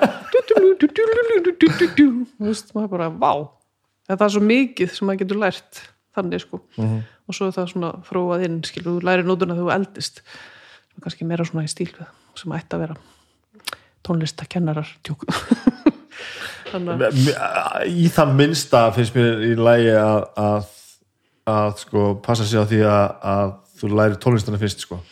Já. að þú vitir aðeins af hverju þú ert að þessu ekki bara, ja, nú þarfst að byrja að læra hérna einhver grunn sem þú veist ekki hvað er því að fullanda fólkinu finnst þú að vera að kunna bara, Já, hva, en- hva, hverjum erst að gera greiða hérna? það getur vel verið sem skemmtilega í dag ég er ekki alveg samt en veist, ég held sér bara fleiri leiðir sko já, það sé aðalega það en ég að þú veist, nefnir Suzuki mm. -hmm. fóröldar mínur tónlistakennara sko, þá var það bara tónlistakennarar bara tónlistanám og Suzuki nám og það var. Já. ekkert, nei. þá það fórstu bara í tónlistaskólan eða fórstu í Suzuki námi sko. Já. þá var það bara, það er engar nótur strax Nei, nei. Mér fannst það mjög spennandi allavega fyrir mín út af, því, út af minni eigin upplifun að Mhm. þú veist, það hefði henda mér alveg svakalega vel og sín, ég veit það já, mér líka sko ég, ég endist ekki og mér finnst þetta bara svo mikið snilt þetta er svo skemmtilegt, maður bara geði gaman, og fæ ég að vera með og læra líka.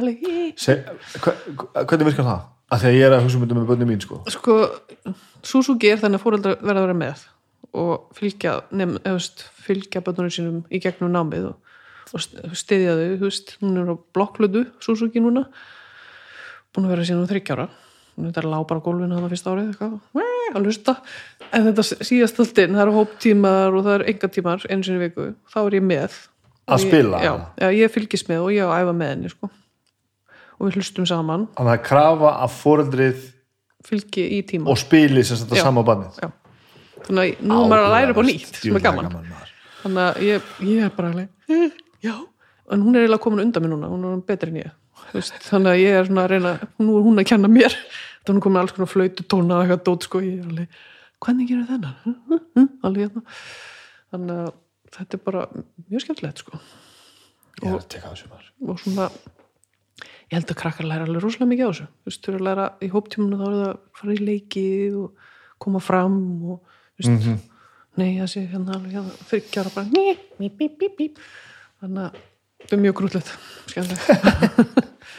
Krútlegur Hitlers ægi þannig já, ég veit ekki, það er ekki mikið ægi en þetta er, það er rosa mikið í þessu. Þau læra rosa mikið, þau svo örug í sér þú veist, getur komið fram og bara ekkert mál. Mm -hmm. pingu lítil og það er grútlegt. Þannig að við erum svolítið að tala um það. Já, og þú klárar söngnámið. Já, og þá erum við eiginlega bara komin á, á þann stað þegar, þegar að kólasæðar er að fara að gera eitthvað í útlöndum. Já, við erum alltaf búin að vera eitthvað að vesenast með veist, þeir gáðu út plötu hana Stranger Tales mm -hmm. svona svona samansapn af lögum fyrir plötunum og hún fekk fína dóma í Ameríku og eitthvað og, og svo voru við, sko ég var rifið allt upp, ég voru að taka, taka til ykkur um kassa og fann ég alls konar drasl og mundi allt í húnum, alls konar hluti sem ég múin að gleyma fyrir 20 árum síðan. Við gerðum líka lag hérna All Together ná með bílunum punk útgáfu fyrir samplötu í Breitlandi fyrir hérna Falcon Stewart sem var um, umbósmaður X-Ray Specs og Adamant og eitthvað svona, ég man ekki hvernig við tengdust honum en hann var frábakall og hann er svona leikil maður í þessu kemur okkur hérna inn þú veist, við komum á þessa plötu fáum eitthvað svona spila í útarpinu og eitthvað svona bull sko dettum hann inn eitthvað og, og þá hugsaum við, já, kannski getum við gert eitthvað. Og líka við fórum á Eldborginu sinni og þá kom Melody Maker á Eldborg til þess að horfa á SS Soul og Jupiters eða eitthvað. Þá var þeir að fara að meika og þau skrifuðu um okkur. Og það var allt vitlaust. Og við fengum alveg heila grein hann bara, geða við gljóðsitt bara og hún bara, með þetta bara. Við erum í blaðinu í Englandi bara. Þannig að við svona heldum að kannski getum við gert eitthvað. Og það var allir bara, já, einmitt gangi ykkur vel. Hver? bara allar ljósittir á Íslandi. Þannig að það fannst öllum þetta fáralegt af því það voru þið eða bara því að einhver var að fara til útlanda? Bara bæði held ég sko. Eða þú veist, metnaðurinn var náttúrulega ekki töff, það er ekki töff að vera að hafa metnað til þess að gera eitthvað sko. Og hvað þá einhverja stelpur eitthvað hérna. Og svo vorum við náttúrulega svona samflótið með botleiðu á þessum tímum með líka. Já, og þeir voru rosa prinsar sko. Og þeir átt að mega það náttúrulega, og þeir voru vinni blöður og allt þetta. Þetta er silt tím, tímabilið þeirra? Já, þú veist, þeir átt að fara þeir átt að sigla þetta, en svo bara siglu við þannig fram úr og allt í hennu fyrir allt að gerast hjá okkur. Já. þá er allir bara eitthvað, hvað er gerast hérna? Hvernig, what? Akkur er þær bara eitthvað, "Hu, þú veist sem bara ógslag fyndið. Þannig að við förum hann og gerum G-plötun og finnum útgefanda Global Warming Records Trevor heitir hann gaf okkur út og bara frábær gæði er þetta svona fyrst fyrsta fótsporið til útlanda? Já, við förum hann og gerum þetta lag hann -hmm. út frá því heyrir held ég trefur í okkur. Já, já, já, og hann býst til að gefa þetta út bara eitthvað svona litlu leipúli og við bara búum, eigum plötuna og gefum hann út með honum. Og þá bara fer allt að gerast skilur við veist, við fáum bara dóma í blöðunum og bara single of the week í NME og bara hrúast þetta bara stað. Og hann er bara við það að fá okkur að vinni sinna að hjálpa sér að gera press og eitthvað bara, þú veist var þetta ekki gaman maður? Það var bara ógeðslega gaman og þú veist, við erum alltaf bara heima á Íslandi eitthvað, hei, geðveikt.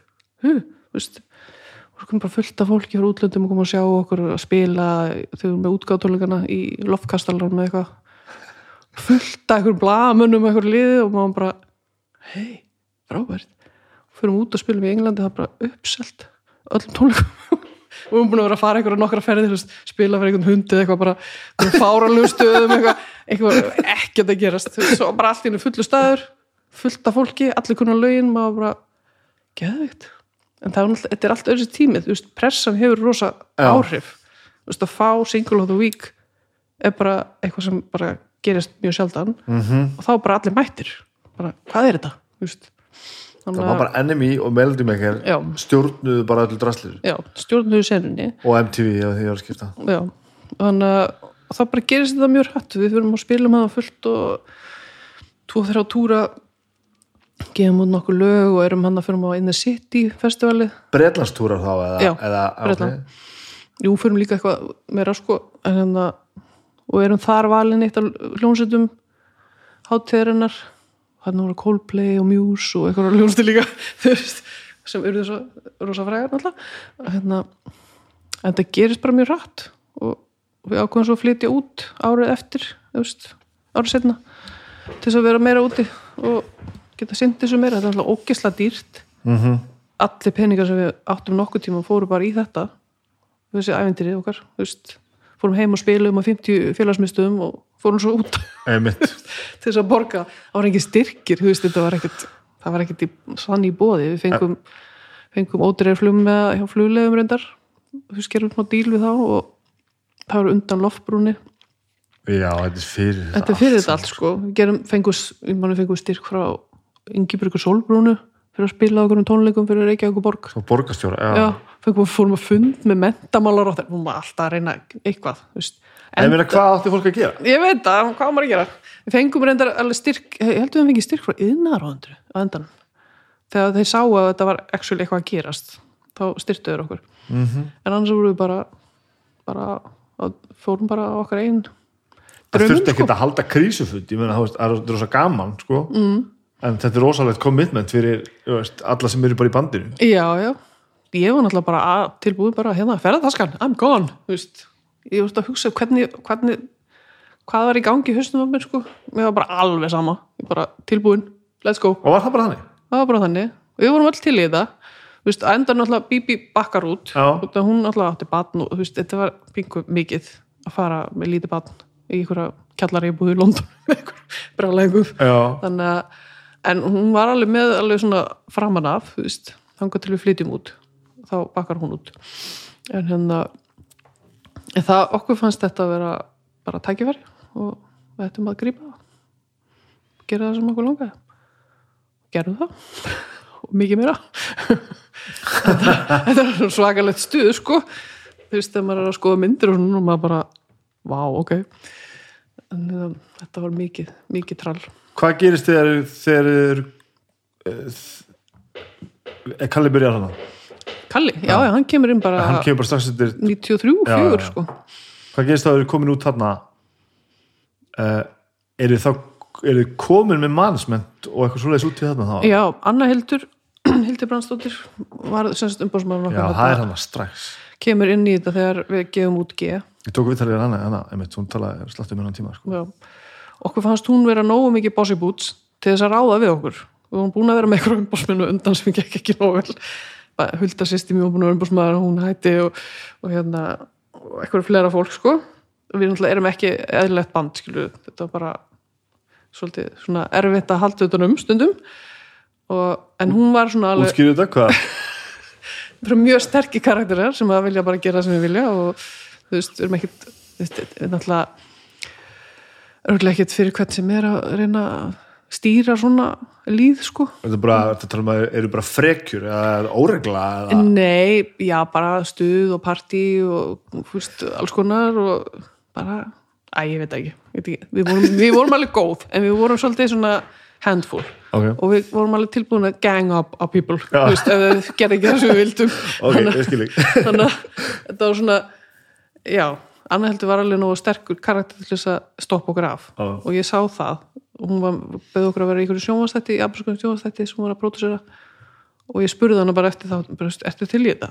Og hún vantar eitthvað til að hjálpa okkur hérna veist, hjálpa okkur hérna að komast út og gera þetta. Og hún bara, ok, prófum þetta. Og hún stóð sér mjög vel þú veist, og var bara hérna, með hérna itinerary bara, þetta er það sem þið er að gera og allt það. Og við þurftum alveg svona aðstóð þú veist, annars hefði þetta verið svolítið svona Ég um held að að allar hljómsveitir þurfu svona aðstof Já. Þetta fer ekki saman í einu heilabúi að vera manneski sem er langar til að vera hljómsveit og manneski sem að halda utan um að vera hljómsveit. og ég hafði rosa mikið verið að gera alls konar svona hluti og var rosa, rosa tens á því sko, að vera bara eitthvað að skipilegja það var mjög gott að fá einhvern annan til að gera það. Þannig ég get bara fengið að vera söngvarinn Já, já, og, og þú veist, vera, það er alveg nóg já alveg það, nóg er, bara- það er alveg nóg þú veist, og ég þurfti alltaf að fara að sofa fyrir og vakna klun átt að fara eitthvað viðtöl og bull og þú veist, það er alveg nóg álag, þú veist, fyrir utan það að vera fronta og allt þetta Kom þetta strax þarna bara sjálfuð sér? Varstu bara, þú veist, var bara að fara að byggja um ykkur í viðtöl? Já, við vorum mjög mikið í pressunni bara fyrst um að vikuna eftir Jú, þessi springja hefur þetta verið maður fatt ekki alveg hvað þetta var Nei, þetta bara, ég veit ekki alveg heldur hvað gerist maður er að hugsa tilbaka bara hm.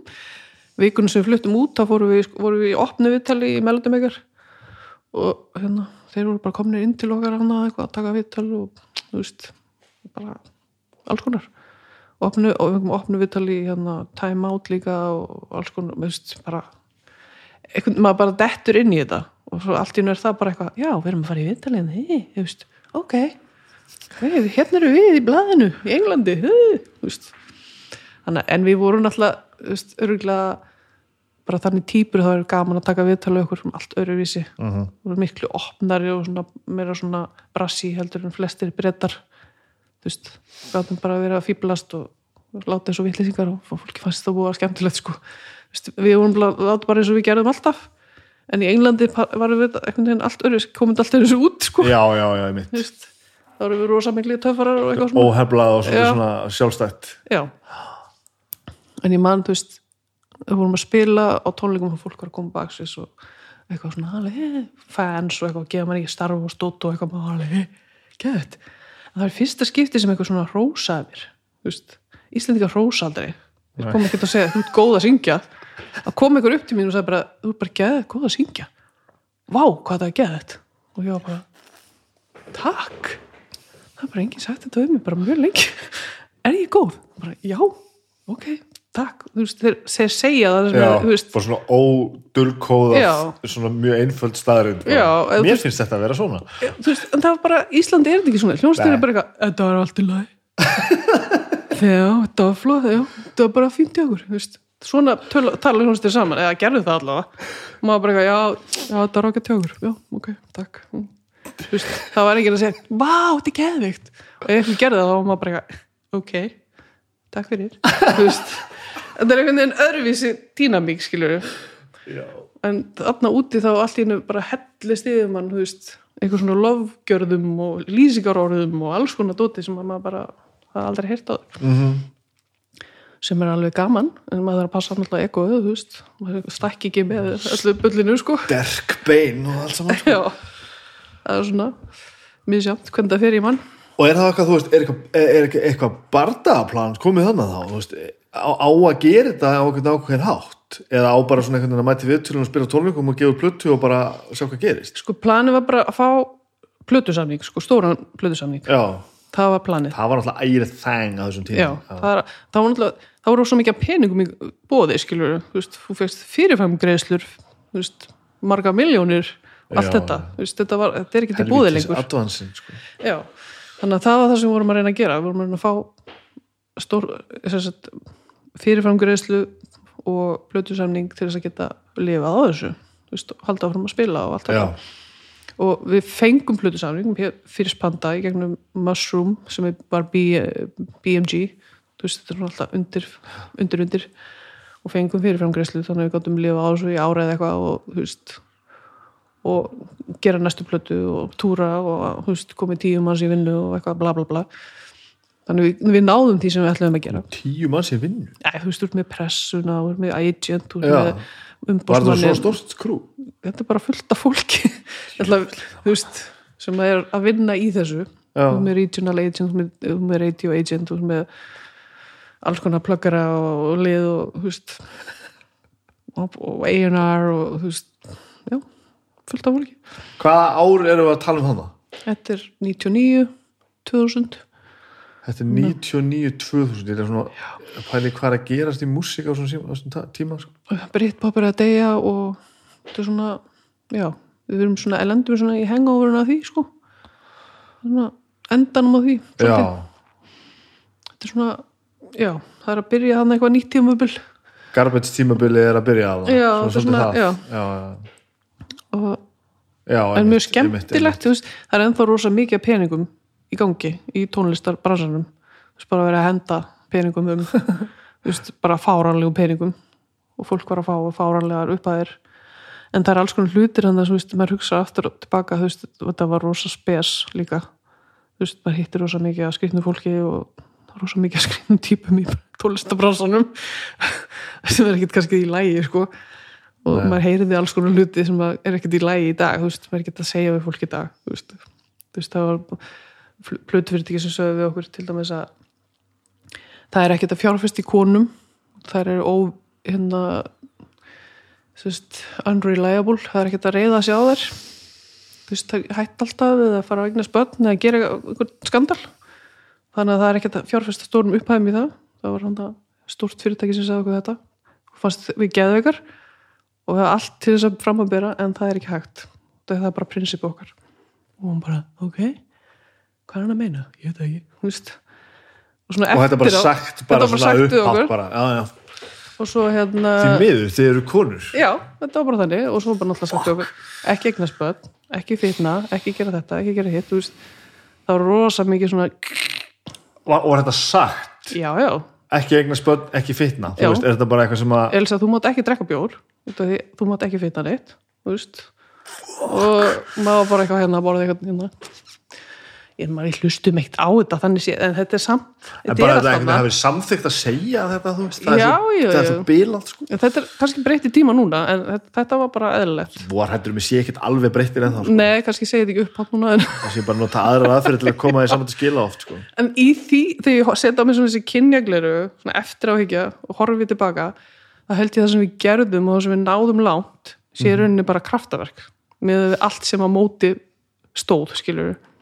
veist, það eru bara ósynlega vekkir hann sem var ekkert enginn fara að leipa okkur inn, skilur og við bara sáum það ekki. Við vorum bara, hei, áfram lili, lili, lili, og það gaman.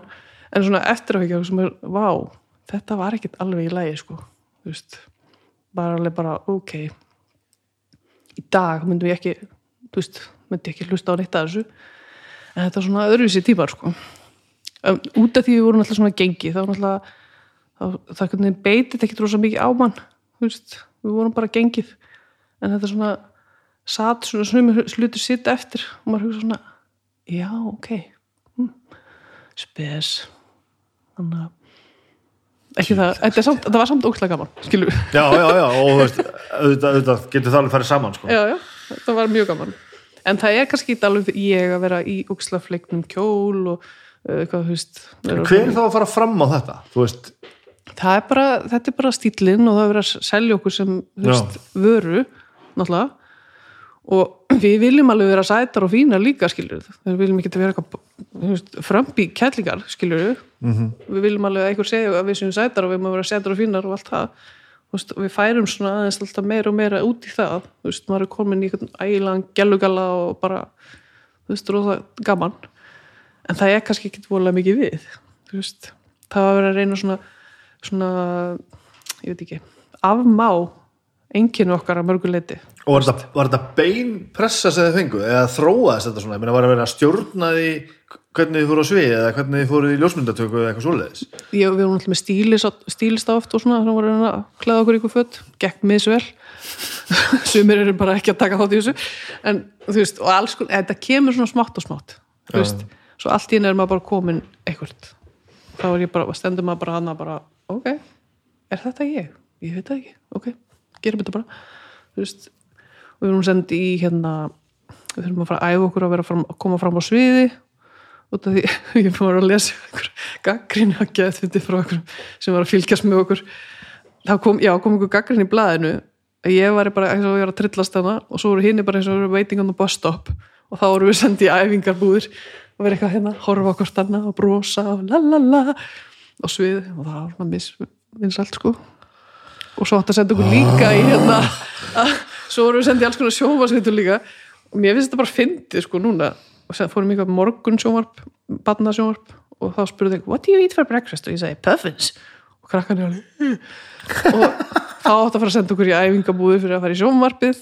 Þú vorum að hafa okkur svo villisíkar en okkur fannst þetta bara fyndið en, veist, en við vorum kannski ekki alveg í takt við þetta smátt að vera að gerast Þetta er líka svo svo mikið miskilningur maður, þegar það myndir að ráða fólk í, í einhver hluti af því að þú ert svo korki og skemmtilegu sko. Mhm. -hmm. og svo þegar þú fara að akta á það í alvörunni já, að þá einhvern veginn að fara að ala þetta úr þér já, þá bara að tróða okkur inn í kassan sko. Ó, þau eru svo flippuð og skemmtilegu og íslensku og æðislega og svo bara, að þeir eru aðeins svo flippuð og íslensku og eru að hérna. ekki of mikið af þessu veist.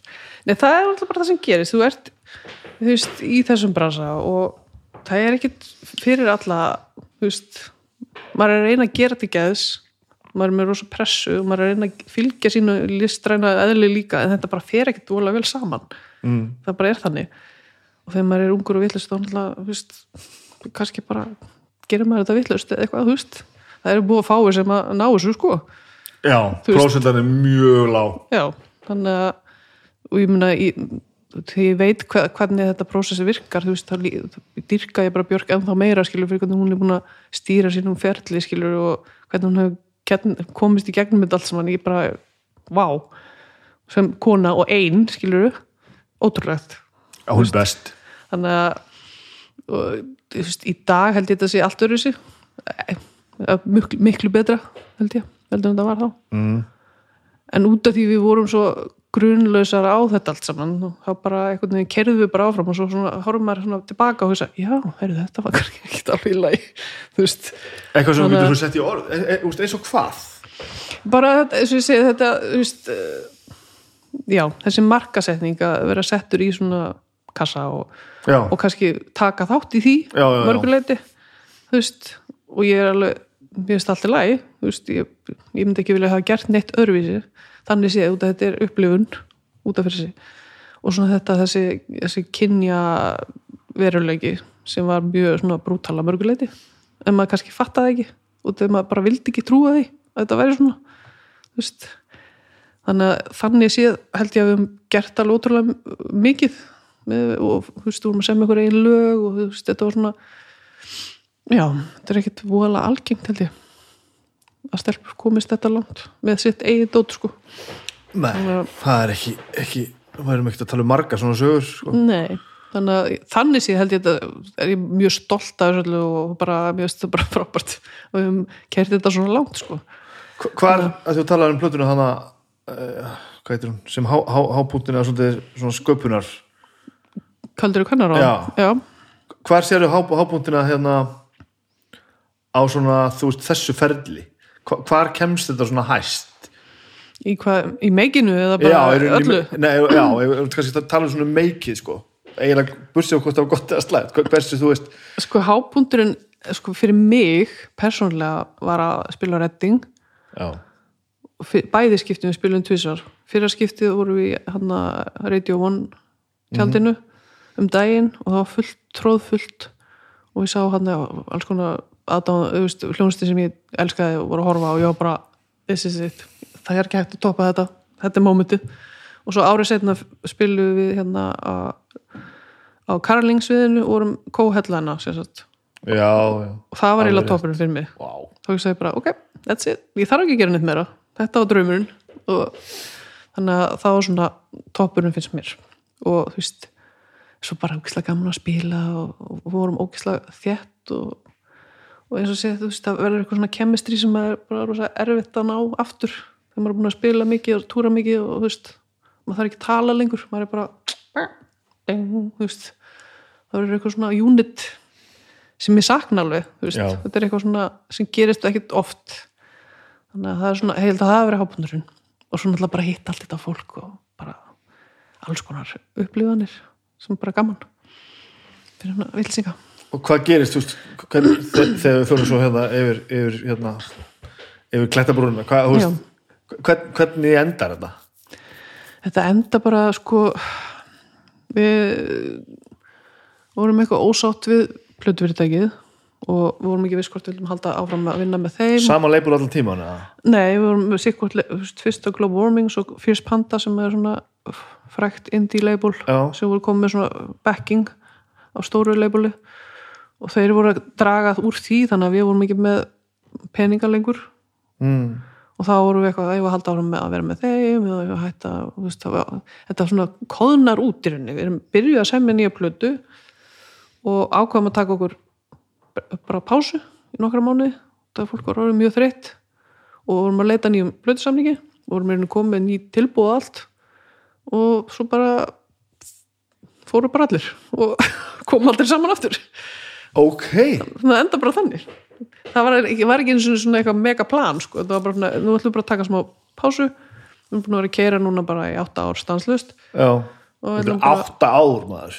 hann að, já, við byrjum náttúrulega bara 17 ára, skil 16, 17 og þetta bara endar ekkert fyrir komi, við erum bara öll komin flutt til London eitthvað það er bara, hey, hæ, hver er þú? Þú veist, fólki langa að fara að læra eitthvað, að gera eitthvað, þú veist. Við erum ekki að vunnin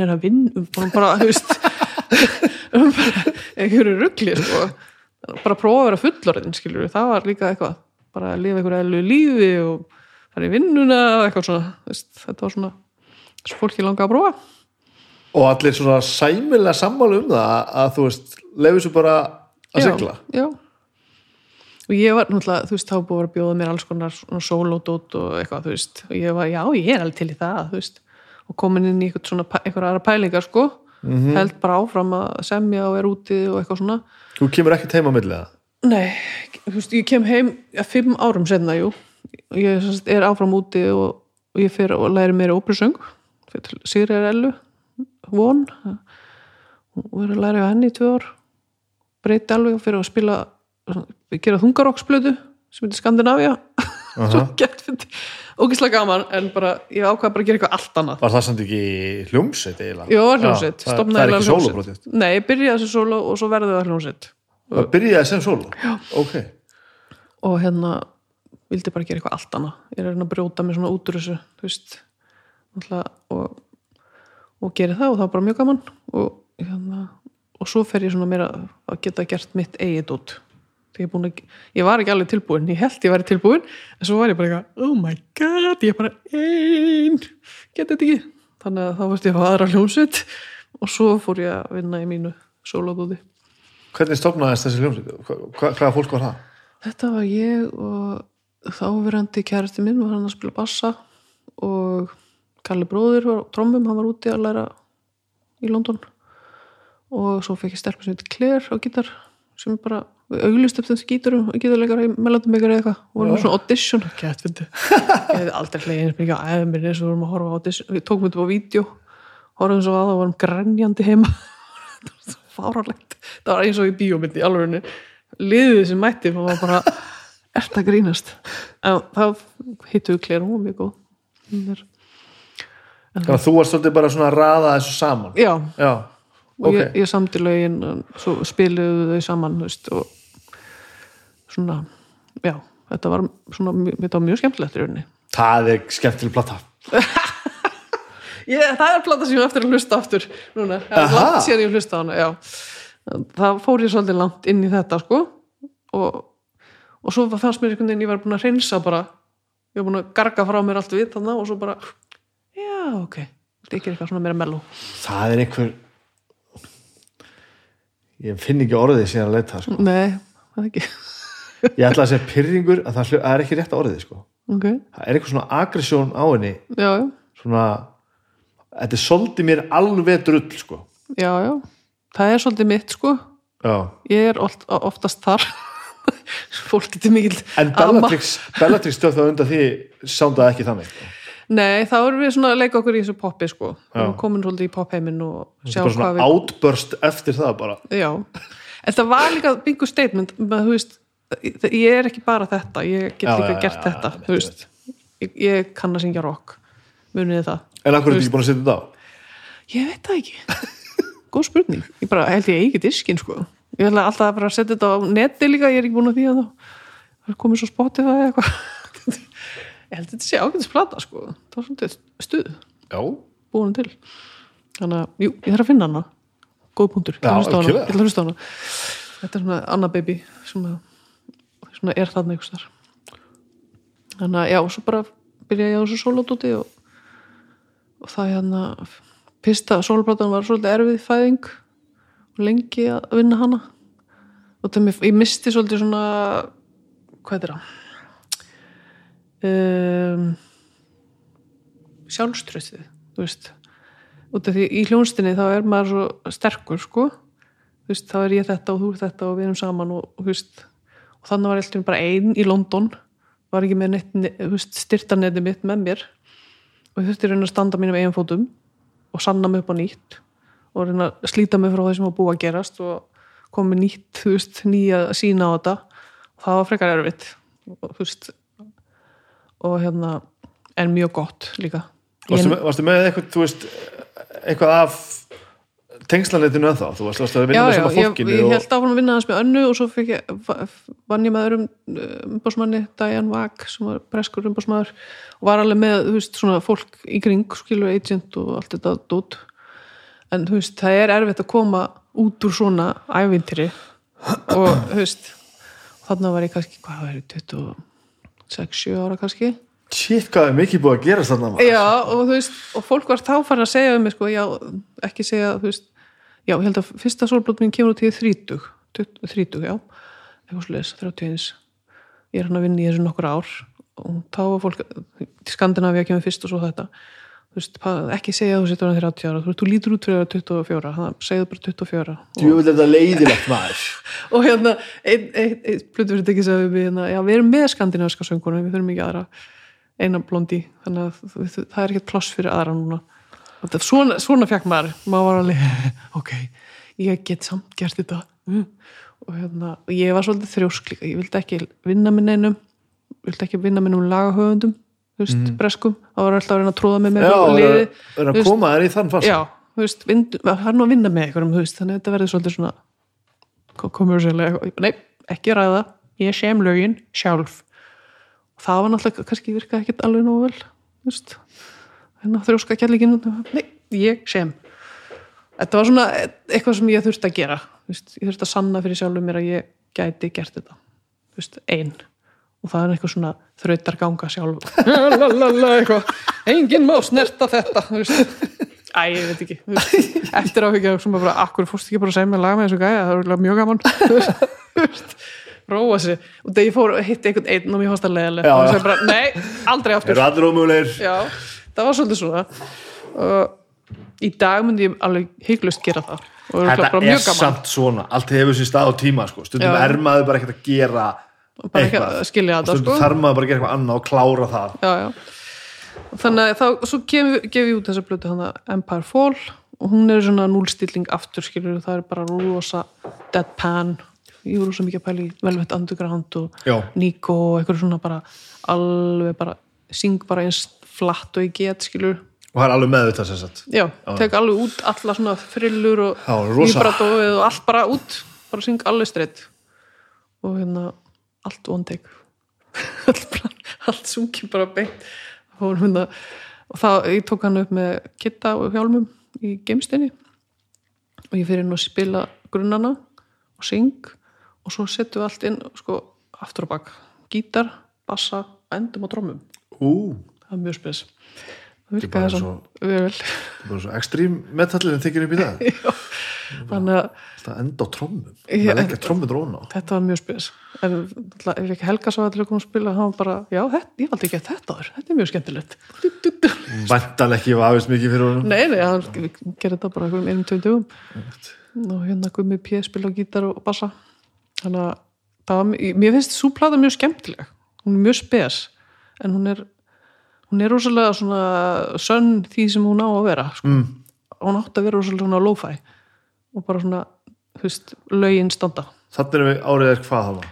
Þetta er 2000, 2007 held ég hún kom út Já, Já, þú ert ekki einu gera- og nefnir lo-fi öldu þarna. Það er er enginn að gera lo-fi. nei, nei Fólk var eitthvað, það plötudómarinn í Íslandi bara, það hefði nú verið gott hún hefði kannski fengið einhvern pródusir til að pródusir þetta svolítið, og ég bara, hvað er með góður hvað heldur ég viti ekki hvað ég að gera Já, veist, já. þetta á að vera svona, oh my god þú veist, er það ekki að skilja þetta Þú ert ekki að þjóna mér. það, það, það hljómar ekki eins og ég vil að þetta sé. já, þú veist, það var svona fólk var ekki alveg að ná þessu, en allt í lagi mér, þú veist, allt í lagi En varstu með eitthvað, þú veist, e- einhver, einhverja meik pælingu í Rasvarsanum þarna? Langaði þið að fara með þetta og, og, og halda áfram sem þú hafi verið að gera með, með ég sko, ég kom hana og heim allt 2005-06 og þá var ég kláraði þessa blötu, þú veist, heima og þá var ég búin að vera að gera skandinaði og gera alls konar demo og bla bla bla og, og ég gef hann út úti með imprint sem, sem var með Trevor aftur sem var með Bellatrix saman. Og hún fekk rosa góð dóma og ég fór að spila og túraði í Brellandi já, hefur farið þann, Já. þann pakka. það var alveg, gekk ágætlega sko bara betur en ég held en það var alveg, þá var ég alveg búin að gefast upp á allir þú veist, ég var bara, e, e, aldrei aftur Nei.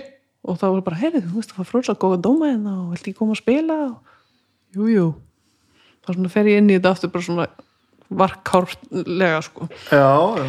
og hérna og svo bara næsta plata er verður einhvern veginn alltur þessi þá fyrir ég að vinna með gísla og hérna mannum mínum og það er miklu meira pop þá fer ég eitthvað svona pop pælingar gerir hann að Pie in the Sky og, og og svo kemur eftir og eh, þú veist, kemur hann að eigafjalla ykkuls æfindrið aftur og eitthvað bull sko þetta er svona einhvern veginn þetta er bara rúlar inn sko Var það ekki bara eitthvað, eitthvað þetta er fjalla ykkursmál, var það ekki bara eitthvað flip? jú, Var þetta ekki bara eitthvað, Ég fór- ekki alveg söguna þessu. nei, ég fór sem sagt Var þetta ekki einhver útvarsáttur að sjónvarsáttur eða eitthvað? ég fór í, semst, út í mastersnám, aft, ég kom heim í þrjú ári eða eitthvað og fór svo út í mastersnám í kjenslu fyrir tónlistar og er bara í mastersnám, ætla bara að vera fullorinn og bara, bara kenna eitthvað, þú veist og er ekkert að pæla í þessu og búin að gera þessa plötu og ætla bara að gefa hann út og ekkert, ekkert plan, þú veist Það er önnur platan. hérna Pie in the Sky Já. já. og hún búin að vera að fá fína spilun á Íslandi og bara að gefa hún út úti og hérna þá ringir mig frá Al Jazeera þeir töluðu einhvern vinn minn í London sem sögðu mér sögðum að tala um mig um, að koma og útskýra eigafallegur í sjónvarpinu, í fréttunum. alveg rétt, alveg rétt, alveg rétt, já. hvernig maður Hvern- ber þetta fram og eitthvað og svo segir hann í endan hérna ef þú getur komið, ég veit þú spilar ókaleli getur þú komið og spila kannski eitthvað búið til eitthvað lag eða eitthvað, fyndið. Og ég bara, já já. Og bara samt í lagið þarna bara líti líti og, fer, og þeir, ég ákvað að fara út að þeir sendu bíl enga bíl, kerði mig yfir London og í, í stúdíu og ég bara yes, það ég farið bíl yfir London, ekki neða þeirra lest. Og hérna þannig ég samti bara lagið, tók það upp á síma minn til að muna það, og fór með það og svo bara spilaði þannig í útsendingunni. Alveg full, full blown lag samt. Nei, það var svona hálflag, það var svona mínúta. Lullu eitthvað búið að fyndið. Og svo fer ég bara heim og var ekkert að pæla mér í þessu og svo bara fer þetta bara, verður bara væral, skilur þetta er bara vinsælasta frétt aldrei sér að bara fer út um allt, bara öll blöð út um allan heim. Og ég hef bara bara búið publishing samningu daginn eftir bara, gefa út lagið núna. Og við bara fórum í stúdíu og bara drífa að búið til eitthvað lag, þrjár myndur, þú veist. Hendum því Þú út. þurfum að bæta við lagið þá. já, búið til kórus og eitthvað. Hérna, hendi því út einhverjum tveim vikur senna og það bara veist, spila út um allt og bíómyndum og veist, alls konar sjónvarsþáttum og allt hérna bara bókuð og spila út um allt þetta var náttúrulega bara djók sko. Svona hluti, sko. Það var búin að hella lífi sínu í sál og hjarta. Já, og svo eitthvað öll þessi ár, sko. Svo kemur eitthvað eitt svona, hey! Og bara, fuck my life. já, mér fannst mjög fyndið út af því ég var alls ekki að reyna með eitthvað en ég bara hugsa, ok ég, veist, ég hætti ekki til skólanum en ég held áfram en ég bara gerði allt sem að mér á búið að gera. Ertu þá sérst þarna komin á þennan stað að þú, þú, þú ert ertu búin með megdrömmana þú ert ekki svona að fara að kasta öllu frá þau bara og fara svona ride the wave. Ég, ég gerði það náttúrulega, þú veist, ég spilaði tónleika og ge- fór út um allt og fekk Já. agent og bara alls konar. -hmm. fullt af festivalum og veist, það, það var alveg árs prógram sem fylgdi þessu skilur gaf, gefið plötuna og lagið bætt við á plötuna og bara fullt af góðum dómum og fekk að spila alls konar skemmtilegum festivalum og veist, þetta var alveg svona skemmtilegt. Þannig að en þú er svona ennþá í skólanum skilur. Já, ég, þú, þú ég kláraði skólan og þú veist, ég var ekkert eitthvað núna gerist það. Veist, ég, ég var ekki alveg þar ég er nú 35 ára, skilur ég var ekki alveg þú veist, ég var búin að taka hann að námslón fyrir döð að bara, ég lífa að borga í, þú veist, miðjur hrunni hækkað um helming bara þannig að ég var að klára. Og já, síðan bara var ég að held áfram að spila og, og hann úti og fór, að vinna mitt, með fullt af lagahöfundum og, og hérna þá var ég tilbúin. Semja lög, poplög að pitcha fyrir Pop Idol og X Factor og mm já, gera alls konar svona vinna með ungum tónlistamönnum veist, að hjálpa þeim að semja og alls konar skemmtilegt bara. Datta hans inn í þann heim svolítið og hérna og var að kenna líka í London Hva, tónlist hva, hva, hvað lærið þér nákvæmlega? Sko, ég fór í listaháskólan, tók kennsluréttindi í tónlist og fór svo út og lærði hérna kennslu fræði tónlistar, eða Applied Music Education og Psychology, sem Hvað er bara er það? það bara, það bara lærir allar aðferðir í tónlisti kennslu og veluður einhverjar rannsóknar spurningar og ég var að rannsaka hana musical identities hvernig börn hérna búa til sínu sem persónuleika sinni eða persónu enginni út frá tónlist hvernig þú mótar það og þessum úlingur og tók mér að ég gerði masters ég gerði það sem ég var að ræða við ungar tónlistakonur á Íslandi sem að ég má ekki segja hverjir eru en eru allar frægar í dag ég var bara spurningu að gera aðra rannsókn núna sjá hvernig þetta þróaðist sko. Hversu margar? það eru fimm eða fjórar Sem fjórar. allar urðu já. Áhugavert já, mjög áhugavert þá voru það svona kannski 18, 19 20. sem mátt ekki segja hverju vegna þess að bara rannsóknin, veist. Já, það myndi Ég- þú veist, þetta er allt anonymous. Ég, ég, veit- ef ég ringi þér og spyrja þar þá mætti ég segja Já, það ég er er ekki, búin, já, ég er ekki búin að því sko, en, en þetta er svona já, þetta er svona sálfræði og kennslufræði og svona alls konar pælingar. Þannig að, já. Svo var ég bara að kenna úti, ég var að kenna í einhvern svona sérskóla fyrir vandrarólinga mjög skemmtileg tónlist. Og vorum við bara að taka upp, vorum með stúdíu og gera alls konar. Skemmtilegt. Og uh, ferði þetta nám að því og allar að fara að kenna? Er þetta bara svona einhvern veginn bara ég var að byrja að kenna eða- sko, ég var að byrja að kenna heima eftir listaháskólan svo bara uh, einhvern veginn, mér langaði út aftur skilur og þá fann ég þetta nám og komst inn. Og það var ekki meira planið það sko. Fara í einhvern mastersnám og veist, eitthvað skemmilegt fara í háskóla í Breitlandi sem var mjög gaman. Já, þannig að já, það var eiginlega planið, ekkert annað.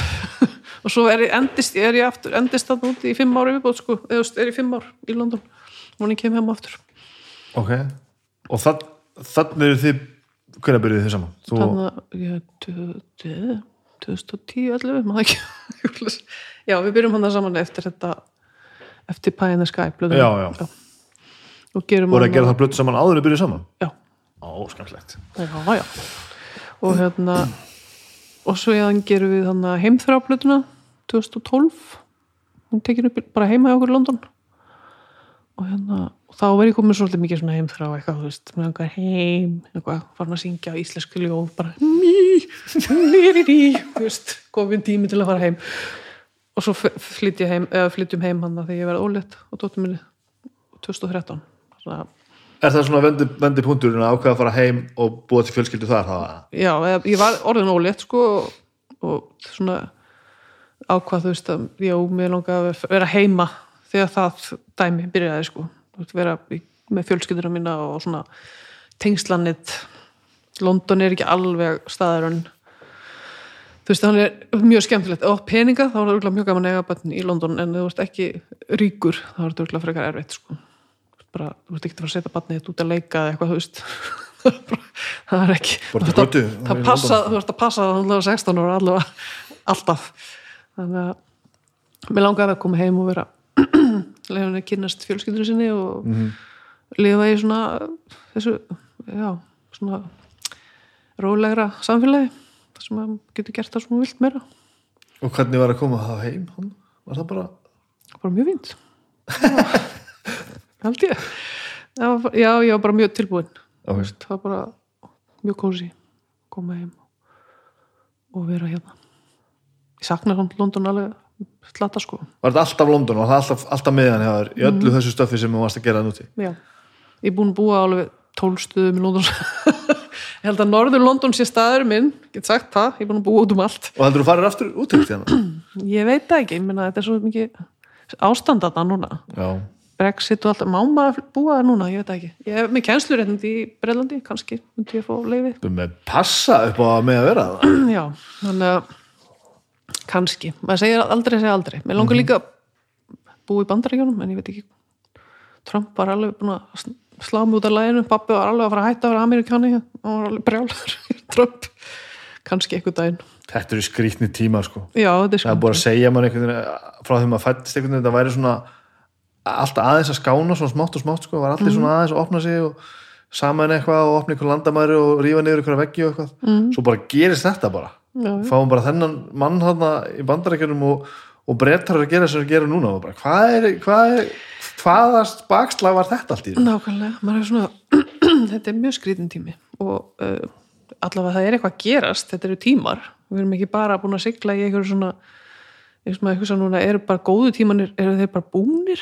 Er, eitthvað nýtt, er þetta eitthvað nýtt svona er eitthvað svona nýja miðaldri að fara að koma þú veist, ég veit ekki alveg hvað, En maður leiðir hugan að því Já. í alvörinni og það er galið sko. Þú veist, eitthvað svona fasisma stemming og þú veist, ég veit það ekki maður er bara svona og maður er bara í einhverju echo chamber Facebook eitthvað, já, allir sammála hérna bara, eh. já, svo er bara eitthvað allt annað að gerast. Já, já, já það Þannig er einmitt það sko.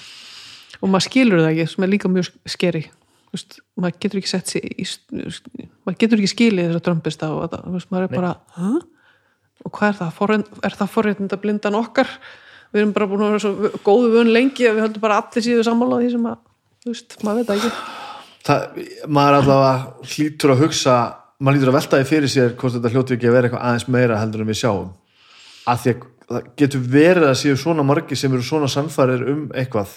Að það sé algjörlega vittlust Nei, ég held að rótin kannski, eða tilfinningin sé kannski ekki vittlust, en það er bara samfæringin er kannski vittlust þú má hefur alveg rétt að þau vera reyður eða ósáttur en þú veist, svo kannski bara spurning hvað, hvernig þú útfærið það veist. þetta er svona pingu skeri að, en ég veit ekki, ég er ekki félagsfræðingur ég veit ekki, maður bara horfir á þetta svona.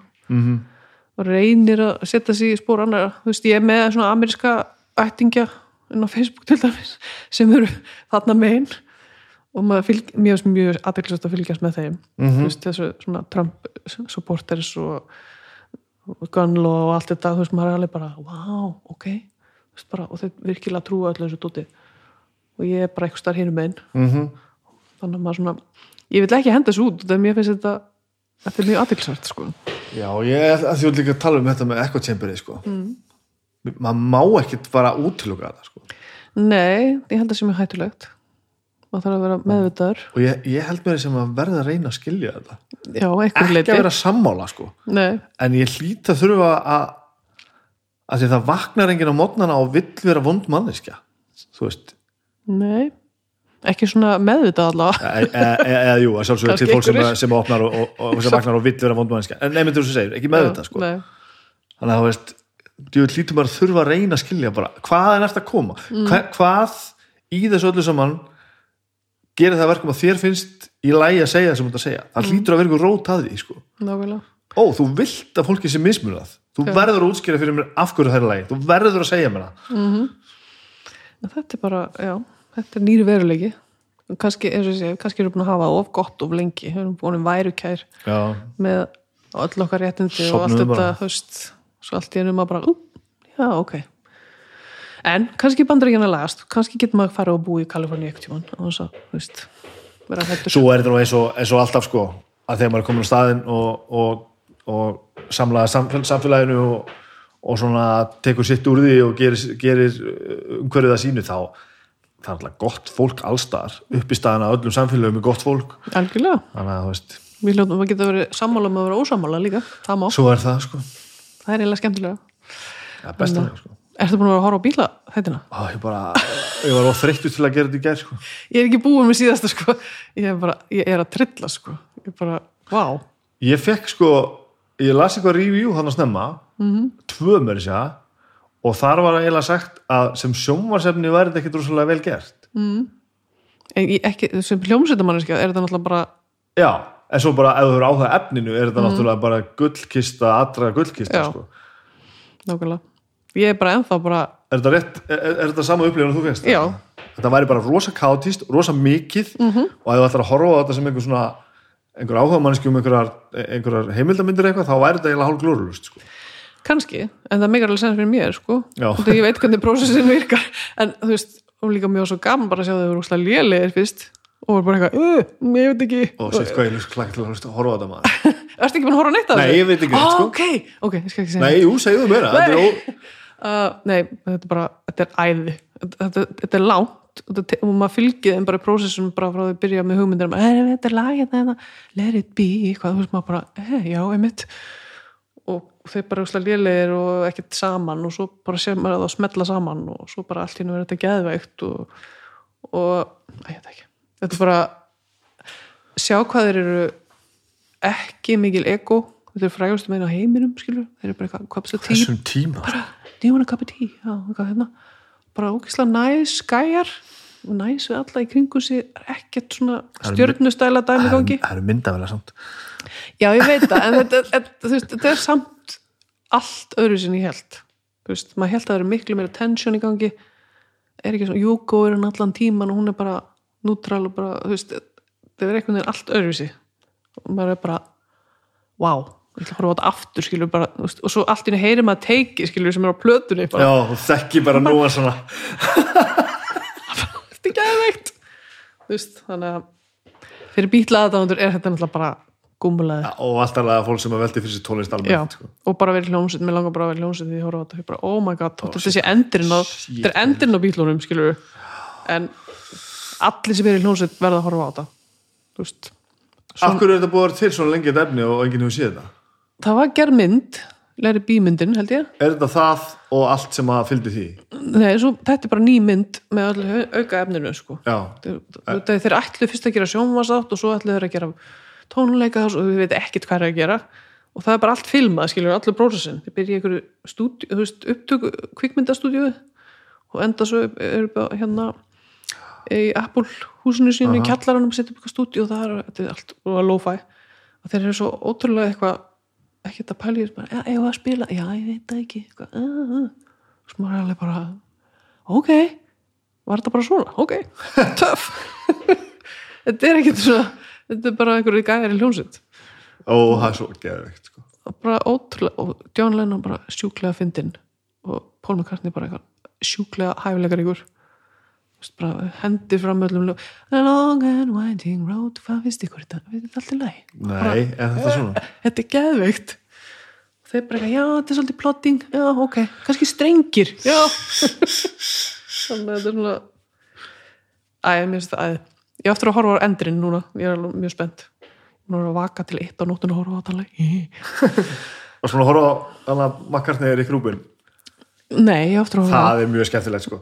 En það er náttúrulega ekkert svona. Það er náttúrulega þú veist, Rick Rubin að tala við Paul McCartney í svolítið lungum máli um hitt og þetta bara Mhm. blasta á einhverju multitrökkum og bara, þú veist, veist, solo á bassan og solo á trombunar og bara svona ræða svona músíkina sko. Þannig fyrir, þú veist, fólk eins og okkur sem hefur insýn í það, þá er það mjög skemmtilegt sko, já, ég er búin að heyra það þetta sem er skemmtilegt líka. En þar kemur það er miklu minni tíma móti því einhvern veginn, það er Mhm. svolítið svona bara en þar kemur rosa skýrt fram hvað Paul McCartney finnst gaman að tala um sjálf á sig. Já, já, það er á ígilega alltaf þegar svona Rick Rubin fyrir að beigja yfir í svona einhverjar já, hvernig var svo þetta hjá ykkur og þetta og bara? Og svona, það er liðið veldi ekki um svona 20 sekundur, þá var hann búin að beigja tilbaka aftur um að tala eiginlega bara um sjálf á sig smekklega sko og nóg um að tala en alveg, Já, já, hann er, hann er svona svolítið dominant þarna í þessu en samt rosalega tillitsamur, þú veist, þetta er miklu einhvern veginn svona, þeir eru miklu meira svona næs við hvort annan heldur maður held eftir allan þann tíma. Já, og líka svo eins mikið svona respekt í gangi og þeir eru einhvern veginn það er líka ekkert langt í frá þess, þessum tímapunkti í að þetta fari eða svolítið bara í hundana sko. þeir alltaf töluðu ekkert mikið saman eftir þetta sko. ég veit ekki hvernig það var en þetta það er ekkit í þessu sem gefur í skinn að það sé að fara að gerast. Jú reynda George hættir þetta kemur svo ekki aftur dag, en hann bara, eitthvað se- hann bara engi drama, hann bara herðu, ég held sé bara að fara heim núna ég er hættur í ljónstinni, svo bara fór hann. Já, er hann bara farin já, ok, hvað er við að gera? Svona British gentleman thing. Já, þetta er einhvern veginn allt öðruvísi en maður ímyndað sér. En svona það sem mér finnst svona kemur mest óvart er þetta hvað eru bara útrúlega eitthvað down to earth og engi stjórnustælar ekkert. Bara drekkandi cups of tea og spila lögin aftur og aftur og aftur og aftur, og aftur. Shit, ég er að fara að horfa á þetta eftir sko, þú, þetta, þetta, þetta er allt sem ég finnst skemmtilegt sko.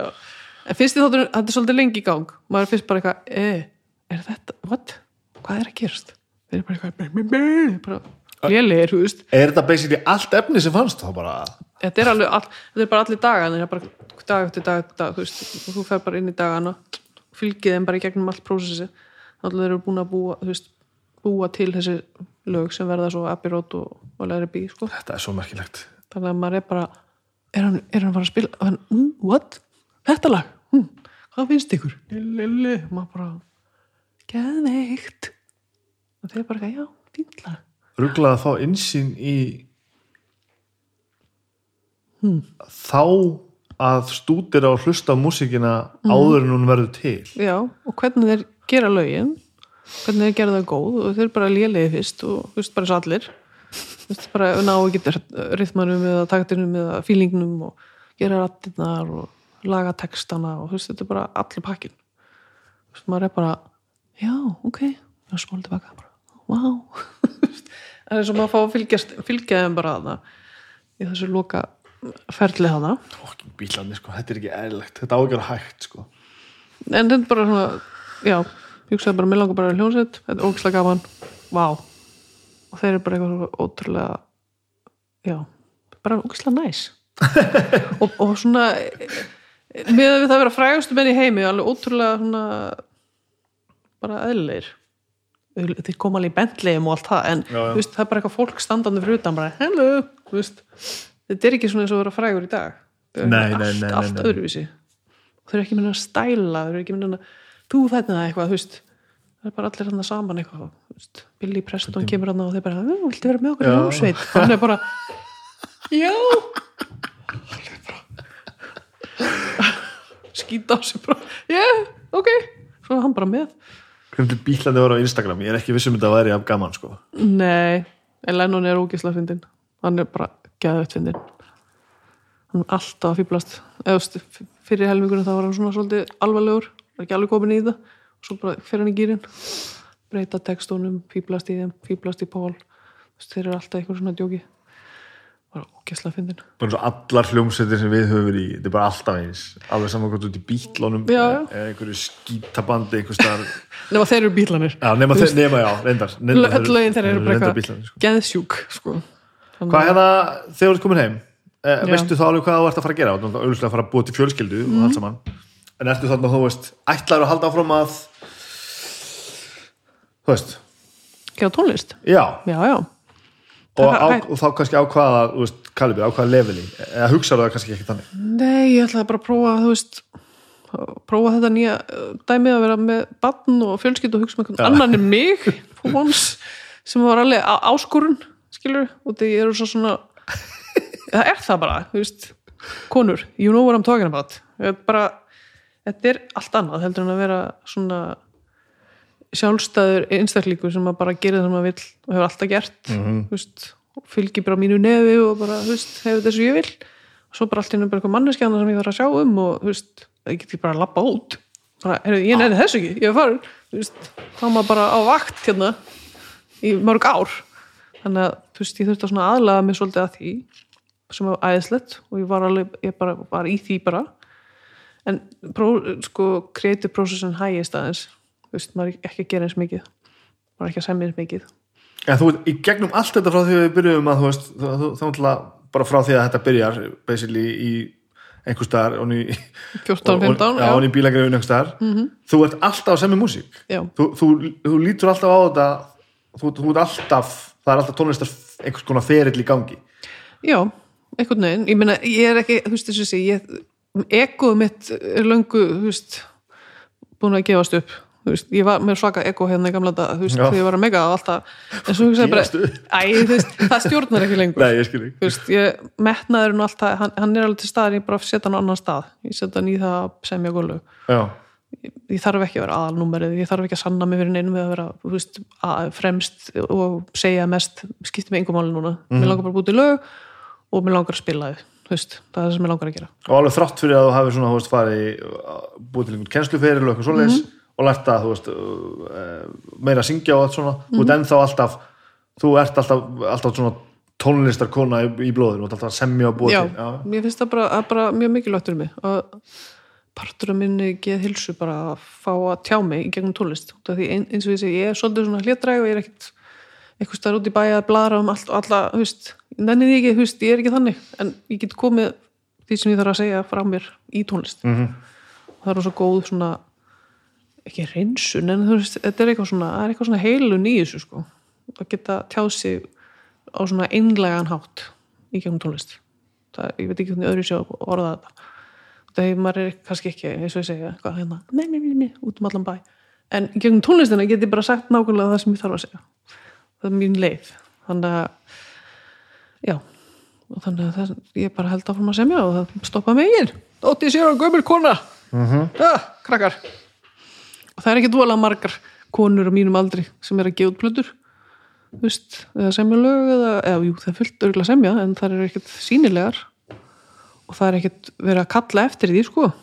Þú veist, þetta er ekkert þetta er ekkert number one hérna að vera 45 ára að semja tónlist. Þannig að það er líka í mér svolítið svona, veist, að gefast ekki upp og Já. þú veist, halda áfram að gefa út og láta engan segja mér að stoppa, veist. Maður er búin að heyra svo oft hérna er þetta ekki bara komið fínt eða hvað, alltaf, alltaf í tónlistinni? Uh, já hvað ég að slökka á þessu? Bara heldur þetta sé uh, kynjabundi, heldur þetta sé meira uh, gagvart, gagvart ykkur heldur en okkur? Mm, ég held að sé bara svona æsku dýrkun náttúrulega bara almennt Já. í tónlist skilur en ég held að það sé erfið að vera kona, eldri kona Já. eldri kona já, miðaldra kona Mhm. í tónlist heldur en miðaldra kall það er miklu meira horta á, veist já, ég, ég, ég nú skil ég hvað það já, já, já, já, einmitt. ekki það, það er enginn að segja mér ekki hætt, veist Nei. ég, gerir bara það sem ég vil en það er, mjög, það er umhugsunarvert að sé ekki fleiri konur já, á mínum aldrei að gera það já, af hverju er það? Veist, er það út af því við erum fastar í, í þessu heimilis ástandi skilur og við tökum meira ábyrð eða er það bara samfélag hefur ekki áhuga að heyra þessa tónlist eða við þórum ekki að koma henni framfæri ég veit það ekki.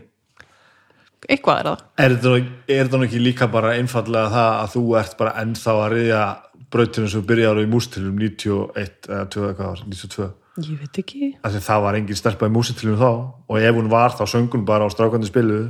Já, já, það getur verið. Og svo opnaður fyrir músitilur í dag og það sem þið gerðu þá beintenging frá því er það að, að hvað, minn líku að segja þetta sé 50-50 sko. Já, kannski, ég veit ekki. Er þetta ekki bara einmitt súkynslu sem að þú drósta eftir þér sem að á að gera sem þú ert að gera núna? Já, vonandi, ég meina, maður vill, vill vera hérna vekja eitthvað, þú veist til umhugsunar eða vera hvetjandi fyrir unga tónlistakonur, mér finnst það bara frábært. Mm. þú veist, ég Björk er fyrirmynd mín, skilur hún náttúrulega, þú veist, ég hefði aldrei þórað að gera allt sem við gerðum nefnum að hún var búin að blasta leðina skilur, Mæri. sem kona og, hérna, og fyrirmynd. Og þú veist, svo erum við með Emilíanu og erum með alls konar flottar konur sem eru að gera flottar hluti. En þú veist svona maður hugsa samt, þetta er stundum svolítið lonely. Maður að hugsa, þú veist, er, er maður bara eitthvað klikkaður eða þú veist hvað er allar hinnar, gælunar já, já, einmitt. þannig að svona, það er pingu skrítið en munurinn á, á, á okkar kynnslóð mm. að þá var þetta skrítið sko. Þið voruð ennþá skrítnar þegar þið voruð að gera Mm. já, þetta já, í dag er þetta ekki þannig sko. Nei, ég held að það sé búið að breytast mjög mikið. Miklu, miklu svona meira flúent og, og hérna fleiri stelpur að semja og veist, koma fram. Og, og þetta er ekkert lengur, þú veist, að þú tala um fyrirmyndir. Þetta snýst ekkert um annað heldur en þú sjáu bara, erðu já helviti gaman að sjá hvernig þessi stelpa spilar á þennan rámaskítar, mér langar að gera eins. Nákvæmlega. Það er ástæðan fyrir að ég spila á bassa sko, bara því að Steve Harris er töff sko. já, nákvæmlega. Og þetta það er ekkert flóknar en það. Nei, ég þurfti nei. bara að sjá ham spila og þá langaði mig að gera þetta sko, að ég bara sá, herru ég, ég get speklað mig í þessum mönnum alveg sko. nákvæmlega. Og ég á alveg kall fyrir myndi líka sko, ekkert bara konu en veist, ég, ég man samt ennþann dag, að sjá risaðalina Mhm. -hmm. í félagsbyggu keflaði þegar ég var 14 ára. Og ég segi bara, vá, þetta má. Dóra Wonder, bara, oh my god. Einmitt. Ok, það bara kveiknaði okkur peru, þú veist, í haustum að mér. Þetta, þetta, þær geta þetta. Ok, við geta þetta líka. Mhm. -hmm. þannig að það skiptir alveg geðu miklu máli að hafa fyrirmyndir. Eitthvað svona eitthvað, en svo það líka vera eitthvað svona eitthvað í þér það þarf að vera eitthvað sem að drífur þig áfram, þú veist. Ég veit ekki hvað það er, en það er eitthvað svona eitthvað, þú veist að vera ekki sáttur við bara status quo, vera bara, þú veist, ég er bara hér og þetta, svona er lífið og allir gera eins þú veist þetta, dæmi sem margir eru í og bara allir lagi. En ég bara hef aldrei passað inn í það. Þannig að þú veist, mér er alltaf langað að vera aðeins út af bröðinni þú veist, Ertu nú ekki líka að tala svolítið mikið um bara svona, the basic drive fyrir að skapa list? Jú, ég held það. Þegar maður finnur bara eitthvað svona það er bara svona outburst sem þarf að komast eitthvað út sko. Og það að leifa því líka gerast Já, það einmitt, fullt af fólki sem er ógislega listrætt og hæfileikaríkt sem að leifi sér kannski ekki að fara þangað. Ætti að gera það samt, heimurum væri miklu betri ef það væri fleiri að gera hluti held ég, og svo öll allt stöfið sem er bara í skúfu já. Og ég held að segja alveg rosa mikið til að til dæmis hvern tónskáldum eh, sem er bara með dóniskúfu og það er konur ég ætla ekki að alhæfa en margar konur eru mun gaggrinani á sjálfan sig heldur en kallar kallan er láta vaða meira. Konur eru meira svona "Æ, mm, alveg viss sko, þurfa að fá miklu meira svona reassurance til þess að taka skrifin oft. Einhver hluta vegna, ég veit ekki okkur ég er ekki þannig því miður en margar konur eru þannig. Og það er þá fyrir ekki að geima það bara heldur en að taka sér Ég held að við séum að díla við svo margar aldir af ójabæði sko. það getur alveg verið. Ja, þú veist, þetta er eitthvað svona æ, ég veit ekki, ég ætla ekki að fara eitthvað ægilega ræður hérna, en þetta er svona það bara horfið svona að vantar eitthvað svona stoppara í mig ég veit ekki okkur, þú veist, ég er bara einhvern veginn keiri að framjá því en það, þú veist oft sér maður það hjá öðrum þú veist, þau eru kannski með geðveik lög og bara, já, ég er ekki alveg viss og bara, geðu þetta út hvað það gera, þú veist. Já. en það er eitthvað, eitthvað annað sem stoppar Mér mér finnst þessi þáttu vera svolítið skemmtileg dæmisaga sko. mm. ég, að eina sig ákvað þegar ég byrjaði með þátt var það að þetta er í 50-50 kynaskipt alltaf -hmm. ég bara held bara mjög öfluga spjaldskráði við það að, að, hérna, að, að kynni sig mm -hmm. og ég rak mér strax á veggin sko, að það var, það var erfiðar að fá konur til að koma í þáttinn sko. nákvæmlega ég skil það, ég er svona eins og ég er þú veist, bara, þú veist ég, ég er kallkins og, og, og svona fyrirferða mikill og gassalegur og svona sko, þannig að kannski þegar engin vissi alveg hvað þátturinn var líka sko -hmm. þá var það svona minni tenging sem þær höfðu við mig að koma að spjalla eitthvað sko, já, en þú veist svo bara gafst ég ekki upp á því og ég bara setti bara, bara ekstra vinnu í það sko, en það var þannig. Það er þú veist, ég hef aldrei fengið cancel frá kallmanni sko, en það Nei. er cancelu nokkra sko, með litlum fyrirvara sko. Að ég ákvað bara, it, ég ætla ekki að beila á þessu prinsip, ég ætla að gera þetta. Já, og svo bara eftir ákveðin þróskuld þá hætti þetta að vera vissin og ég finn ekkert fyrir þessu svona það er gott. Og það, þetta er raunin það sem það er að gera í öllu sko. Og þú veist, ég veit að það er búið að vera að gera þetta upp á rúf þú veist, að, þú veist, það er einn að halda að kynja í viðtölum og öllu þessu dóti, þú veist, en þetta er meðvitað það þarf að tóga þetta svolítið fram já, sem er ótrúlegt, en það þarf að gera það. ójafnvæði er orðið svo mikið að það þarf að byrja að taka momentum, sem er búið að vera á fullri fyrir þess átt -hmm. og standa á móti því, sko, til þess að þetta geti fara að fara vennulegina og það bara tekur bara tíma meina, þetta er bara, þú veist, og það tekur tíma kynsluður fyrir að vaksa upp úr grasi sem eru með öðruvísi mentalitet með þetta allt saman skilur, Já. ég er alveg upp náttúrulega bara fólki sem að þú veist, var bara old school, mér að mamma mín var feministi en hún var samt, sá um allt heimilið og hún var í vinnunni og hún gerði allt og bla bla bla þú veist, svo þegar ég verð mamma allt henni finn ég sjálf mig bara í sömu rullunni bara. Ég bara taka til hérna og lella, lella, og bara, hvað er að gerast? Bara 1975, halló hvað er að gerast? þá er ég verið að dottin í gýrin skilur og þetta er svona eitthvað sem tekur langan tíma að, að þú veist eh, breytast held ég. Bara, það er bara þannig Já, ég er pínu hrættu við þessa eins og, veist, og, ég er alveg sammála í grunninn að þú veist, þetta, þetta er betra sko. Þetta er betra en þetta var. Já, en við megum ekki tala eins og þetta sé bara þess vegna sé þetta alltaf góður leið sé þetta bara, að þetta er orðið betra en þetta var. Okkur gengur nú bara vel með þetta. nei, nei. við erum svo langt frá því að vera komin á einhvern stað sem þetta á að vera á sko. já, við erum alveg langt í land. En þú veist, eins og þegar Vigdís var fórseti sem er önnur frábær fyrirmynd og sem ég dyrka þessa konu -hmm. og hérna þá einhvern veginn hugsaði ég sem ungkona að þetta væri bara komið. Og við þurftum ekki að hafa þessu akkurat, akkurat, akkurat. En það er þetta líka tókst veist, því það, er, það var ekkert komið. Og það var alveg baklas skilur við þannig í mál aldamótin þú veist, í svona málum og þú veist, að ég veit ekki. Þetta er bara mjög aðtilsvægt að pæla í þessu. Svona, hvernig þetta þróast allt saman. Þú veist, en, þú veist, við því sem bara, vá. Ég veit ekki, ég á ekki orð. Nei. ég verið að lýsa hvað hún er frábær þannig að og frá, útrúlega mikilvæg fyrirmynd fyrir mína kynslu þannig að kannski áttu hún eitthvað í þessu líka Ég ætla að giska á það Mhm. að eftir sama tíma og nú er liðin frá músitilurum sko, Mhm. þá eigum við eftir að sjá stelpunna sem voru að horfa á það Mhm. vera að gera það sem þú ert að gera núna sko.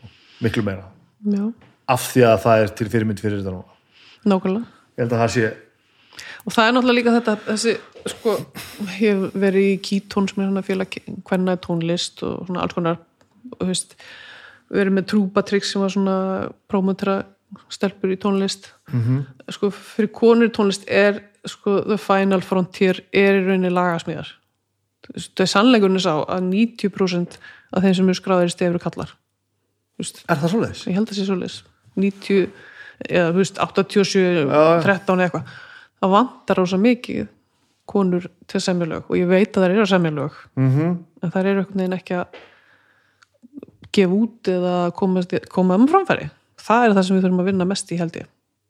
Þeirra rattir komist sterkar inn sko. þannig að Ok, ég haf ekki hugmyndum með það Nei, þetta kom mér mjög óvart. En þetta er staðrind það vantar bara, þarna vantar að konur komi meira inn og þú veist séu bara meira að semja á meina við erum alltaf með frábæra fyrirmyndi núna Bríett og, og allt þetta veist, það sem hún gerði þannig á tónlistöðunum bara oh my god, yes hún gaf puttan hérna Yep. allir sem sagði ég get ekki sami lög bara, uh -uh. ég sagði bara, vá já, takk Já, maður og þetta er svo, svo mikilvægt að gera þetta, taka mm. fucking slægin Já, þannig að þetta er slagurinn sem við þurfum að taka og er ennþá bara langt í land mm -hmm. Það er svona mikilvægt að halda árum að semja lög og gefa þau út, sama hvað eitthvað finnst. Er þetta partur að, að gera þetta? Nei, þetta er bara, þetta er bara svona Þetta er bara að nöndur já, þetta bara, ég ger þetta bara út af mig langaða en, en út af því ég hef verið að vinna í svona græsóta vinnu, þú veist þá, þá verður maður svona meðvitað um þetta Já, já, já. og þú veist, eins og hérna sterfur rokka líka, geggjaf dæmi. Geðveitt koncept. Og hérna, þú veist, það er örgulega flott fullt af krökkum að koma út úr því líka og svona og það er náttúrulega þetta að geta tekið upp heima sjálfur og svona, það hjálpa líka örgulega og svo er bara fólk að þóra að gefa þetta út. Mm -hmm. en, eh, en það er fullt af flottum tónlistakonum núna, veist, sem eru miklu meira svona present og eru, veist, að semja sína einlega og svona, það er bara flott. Og svo er maður líka fann að sjá hljóðfæra líka svona einhvern veginn, uh, hljóðfærin eru hægt að skiptast á kynin, sko. Já, einmitt, það er svona, eh, ekkert hægt ég er ekki að segja að það sé einhvern nándan næri komið komi eitthvað jafnvægi á þetta en það er allavega, þú veist maður eigur ekki upp stór augu ef það situr kona við trommusetti til dæmis. Nei, nei, af því það var bara, svakalegt. Já, það var bara eitthvað ótrúlegt sko. já, já, og, og það er náttúrulega, þú hefur ekki fyrirmyndir og sérði þetta hvergi, hva, hva, hvernig á þetta að gerast? Nákvæmlega. hvernig átti dóttur mín að taka trommukjöða ef hún hefur aldrei séð konu með trommukjöða? Nákvæmlega. Það er ekkert flókið, sko. Þetta er þetta er ekkert mjög flókið, sko. Og þær geta nú trómað vel. Stelpur, ha, það geta það.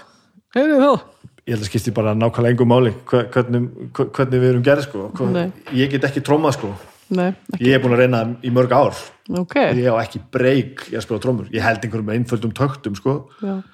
ég, og ég er, ég er mjög tónviss og hrinviss en ég get ekki ég get ekki bætt mig á trómur ekki heldur.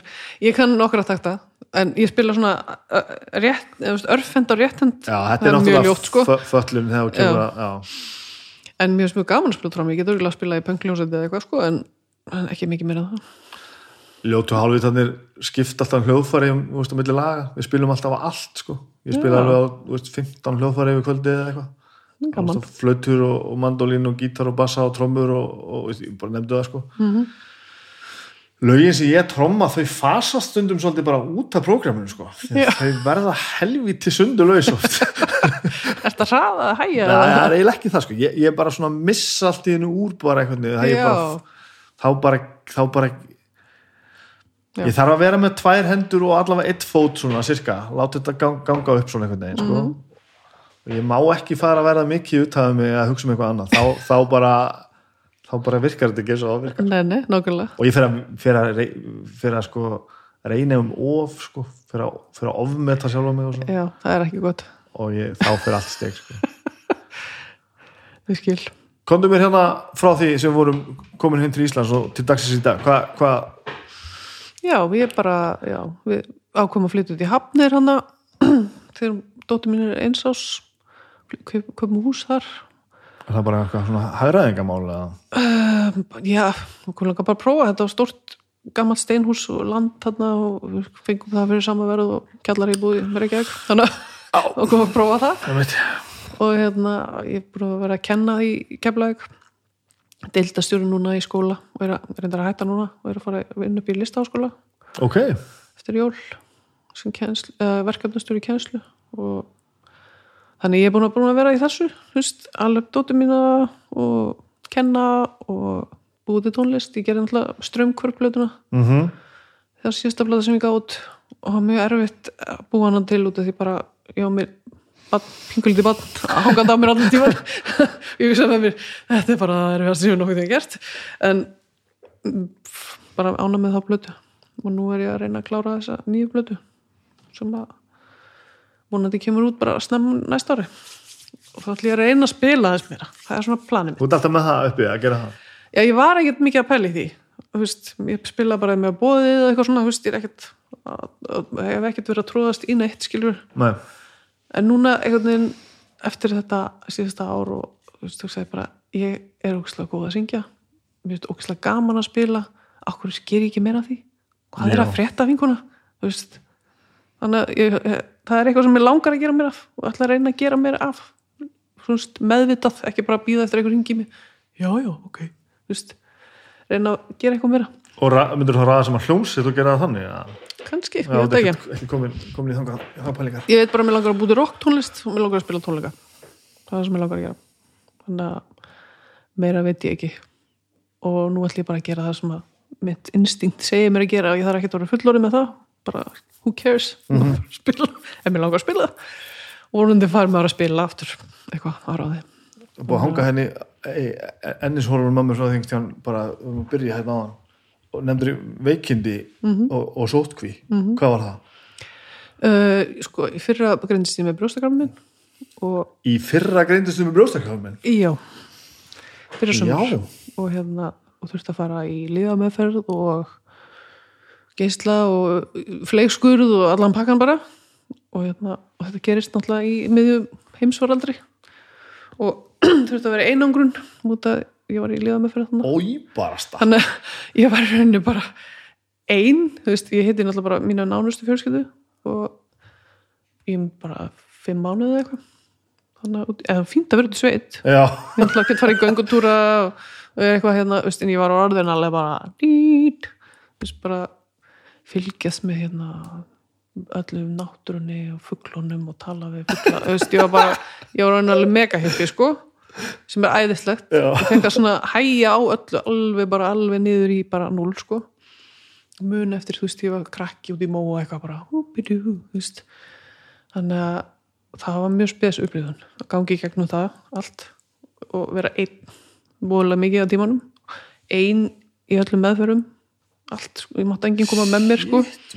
Þannig að maður svona og ég einhvern veginn vann mig út úr því með því að semja tónlist. Það var svona að tala um það já, það var svona að tala um aðan þú veist, núlst, þú veist, ég var komið bara á núlið og bara er eitthvað þarna? Og hvað er það? Og það er það sem kemur á þessari plötu sko. Þannig að ég veit ekki hvernig fólki munu finnast það, hvort það er bara ógislega set eða bara ógislega fallegt eða bara ógislega leðilegt en það er alltaf það sem kom eftir þetta allt þú veist at, í þessum prósess. Hvernig hef þetta er ekkert sangað spurning. Hvernig er að fá krabba þú veist. Mm, það er ekki gaman. Það er eiginlega svona súrealist sko. Maður fær bara svona já, ég fikk bara svona áfall skilur og það að vera sjúklingur já, þú veist, og tekin úr umferð er rosa erfitt sko. Og það er svona manneskja sem alltaf að gera eitthvað og rosa mikið að gera á mér og þú veist, ég, ég, þú veist einhverjum pælingum sko og minn, mín svona sjálfsmynd er rosa byggða okkur svo leis og svo allir maður bara eitthvað tekin út af og bara geimdur út í sveit, þú veist, og má ekki hitta neitt bara, uh, ok. Og ég nú er ég bara sjúklingur og eitthvað fólk komið, þú veist, út í bæ einhverja lækna og bara hérna þú veist, krossleikja fingur. Varstu veik? Upplifur þið, þú veist sem, sem, sem veika manneski ég á náttúrulega lifið með fyrir maður verður veikur af Já, því já, sko. já, já. og veikist mjög eða, þú veist, ég þóld hana mjög vel með allt og allt en það er svona smán sem að verður maður veikar og veikar endan með maður bara orðin bara uh, ég get ekki meir veist, maður bara búin á því sko. Er ekki basically verið að að drepa þig eins mikið og er að þess að drepa þig? Jú, allar, allar frumumyndanir sko, í líkamannum þannig að ég breytti mataræði og hreyði mig mikið og það hjálpaði rosa mikið veist, og hérna hjálpaði mér að ná mér fljótar. Og það gekk allt vel skilur veist, ég er náttúrulega í eftirliti í fimm ár en veist, og bara veist, það er að lifa með þessu. Já, veist, að hafa lend í þessu.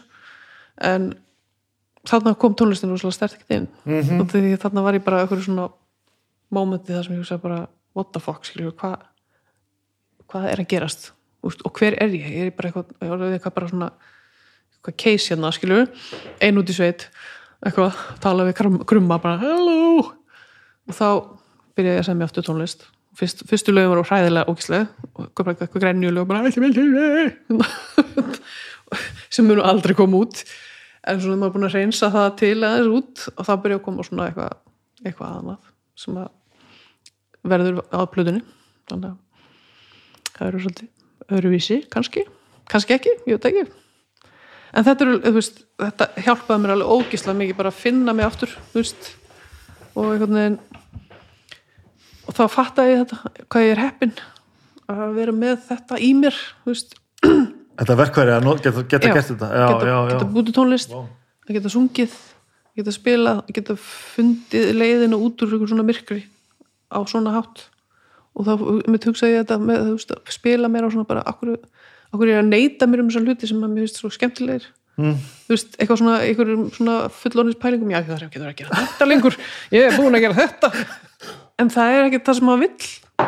Veist, maður og heldur gera ekki það sem að þarf. Nei, maður gera það sem maður vill og það sem maður þarf og sem er gaman. Þannig þess vegna kem enda ég þennan á þessar tilfinningu skilur mér langar að gera mér veist, Mhm. nýta mér það, það sem ég hef veist, mér finnst það gaman ég veit að fólki finnst gaman að heyra mig syngja og allt það það er bara og svo náttúrulega er bara ástandið eins og það er. Þannig að nú segi ég bara já við öllu. Já, ég er tilbúin en þú held ég að séu margir sem að einhvern veginn, ég ætla ekki að segja að lenda í þessu, heldur gera sjálfum sér þetta einhvern veginn, jú, jú, að lenda í þessu þetta líka. Mm. að bara svona feita bara svona út í í því sem að þú vilt gera og það sem er langar að gera sem brennur fyrir, þú veist, einhvern veginn engri sjáanlegri ástæðu heldur en bara, jú, jú, við verðum þreytt, þú veist, við erum allt í einu komið með fólk sem við þurfum að sjá um og, og eitthvað, allt í einu þurfum allir að búa einhver staðar og maður þarf að passa allir séu með fucking nesti í leikskólan, sko, Nákvæmlega. ekki kannski í leikskólan en þú veist hvað við. Já, já. að þá allt í einu bara svona ég veit ekki hvort við höldum við séum að setja þetta á eitthvað hold sko, og einhverja pásu en bara, allt einu bara hætti maður eitthvað, þú veist, að gera það sem maður bara veit, veit maður gleði og ánægi og lífsfyllingu. Já, já, og þetta er eitthvað svona sem ég þurfti að horfast í augu við líka og veist, bara í rauninni gefa mér leiði til þess að, að finnast þetta allt í læg þú veist, að, að, að langa að gera eitthvað svona bara eitthvað svona einfalt þetta er ekkert flókið sko. En þú veist, maður er eitthvað svona fullararsleik og hérna fullkomna húsmóðurinn eitthvað döði og þú veist bara og svo bara er maður komin bara eitthvað langt út á tún skilur við, vinna eitthvað 150% vinnu og mi, mi, mi, mi, mi. Og svo bara vaknaði ég hérna veik eitthvað stór einu og þú veist bara, þetta er ekki málið sko. Þetta er bara svo langt frá því að vera málið og hva, hvernig enda ég þar sem ég ætlaði aldrei að enda? Þú veist, ég ætlaði aldrei að gera þetta. Ég ætlaði alltaf að vera hinn típan sko. En svo er ég bara komin þóka þannig að, það er svo stutt á milli já, það er svo stutt sko. er svo stutt á milli sko. en það, þú veist, kannski er þetta einhvers konar blessun fyrir mig að, vekja mig til, til lífsins aftur með því að reyna að drepa mig. Standaðu döðastir og hugsa, já, ok.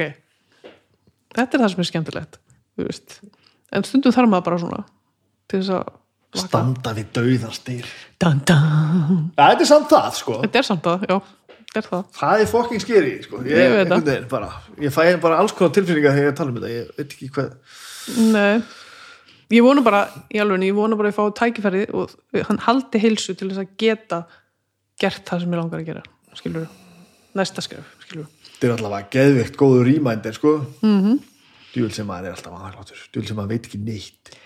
Nú er ég til dæmis mjög bara þakklátt fyrir allt skilur, þú veist já, ekki með ykkur sjálf- self-help book hérna, en ég er alveg bara, ég nýt þess að gera hlutinu núna, bara basic hluti, nú er ég bara hæ, gaman að sjá þig alveg, þú veist, allt svona þú veist, kreatív dót bara, er ég technicolor núna heldur, þú veist, skilur maður mað verður svolítið svona væri kæru maður heldur bara, já, þetta er bara sjálfsæða hlutur ég get bara gert þetta og lelele en þetta er ekkert sjálfsæða hlutur, þetta er bara þetta er svo nákvæmlega orðið sko. Maður er svo værukær, maður tekur bara já, maður tekur þessu bara svona en það er ekki þannig veist, þetta er bara það er bara ótrúlega mikið gjöf að geta gert tónlist, bútið tónlist. Maður, mm. maður á að, að virða það.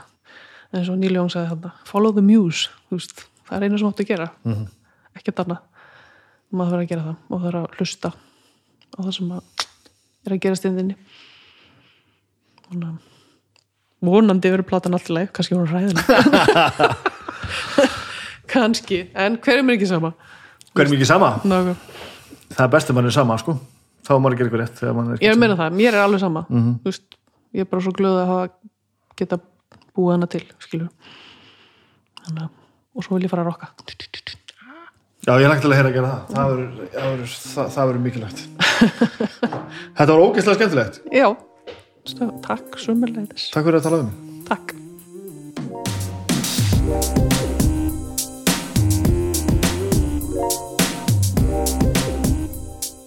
Djöfull lakaði til að heyra þessa nýju plötu frá Elisu. Ég held að það verði eitthvað alveg, eitthvað alveg magnað.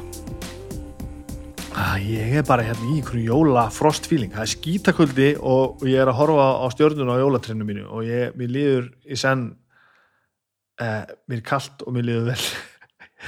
Ég ætla, ég er á góðum tíma. Ég hafði svolítið ég- langt í að börnum mín komin, komin heim, ég ætla að ræsa Playstation 12 og, og gera eitthvað, eitthvað, eitthvað einfalt. Eh, ég minni ykkur á að besta platan tók hérna drápu fyrir eh, sem bestu plötu kolösu fyrir ekkit löngu síðan, þannig að tekja því og bara allt sem að besta platan er að gera. Það er, það er allt skemmtilegt þar.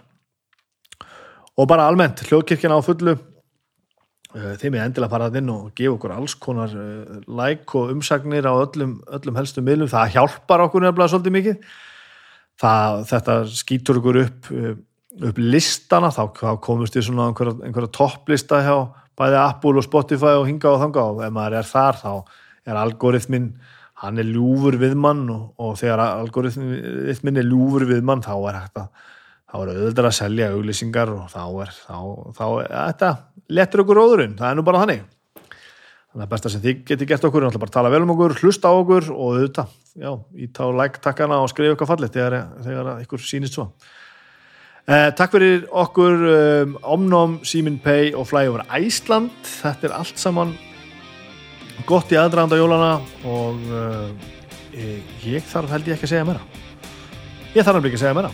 Þetta bara rúlar og við erum glöð ég hlakka til að fá bíparann ég hlakka til jólana og ég ætla að fara að googla jólagjafir. Takk fyrir að hlusta, bye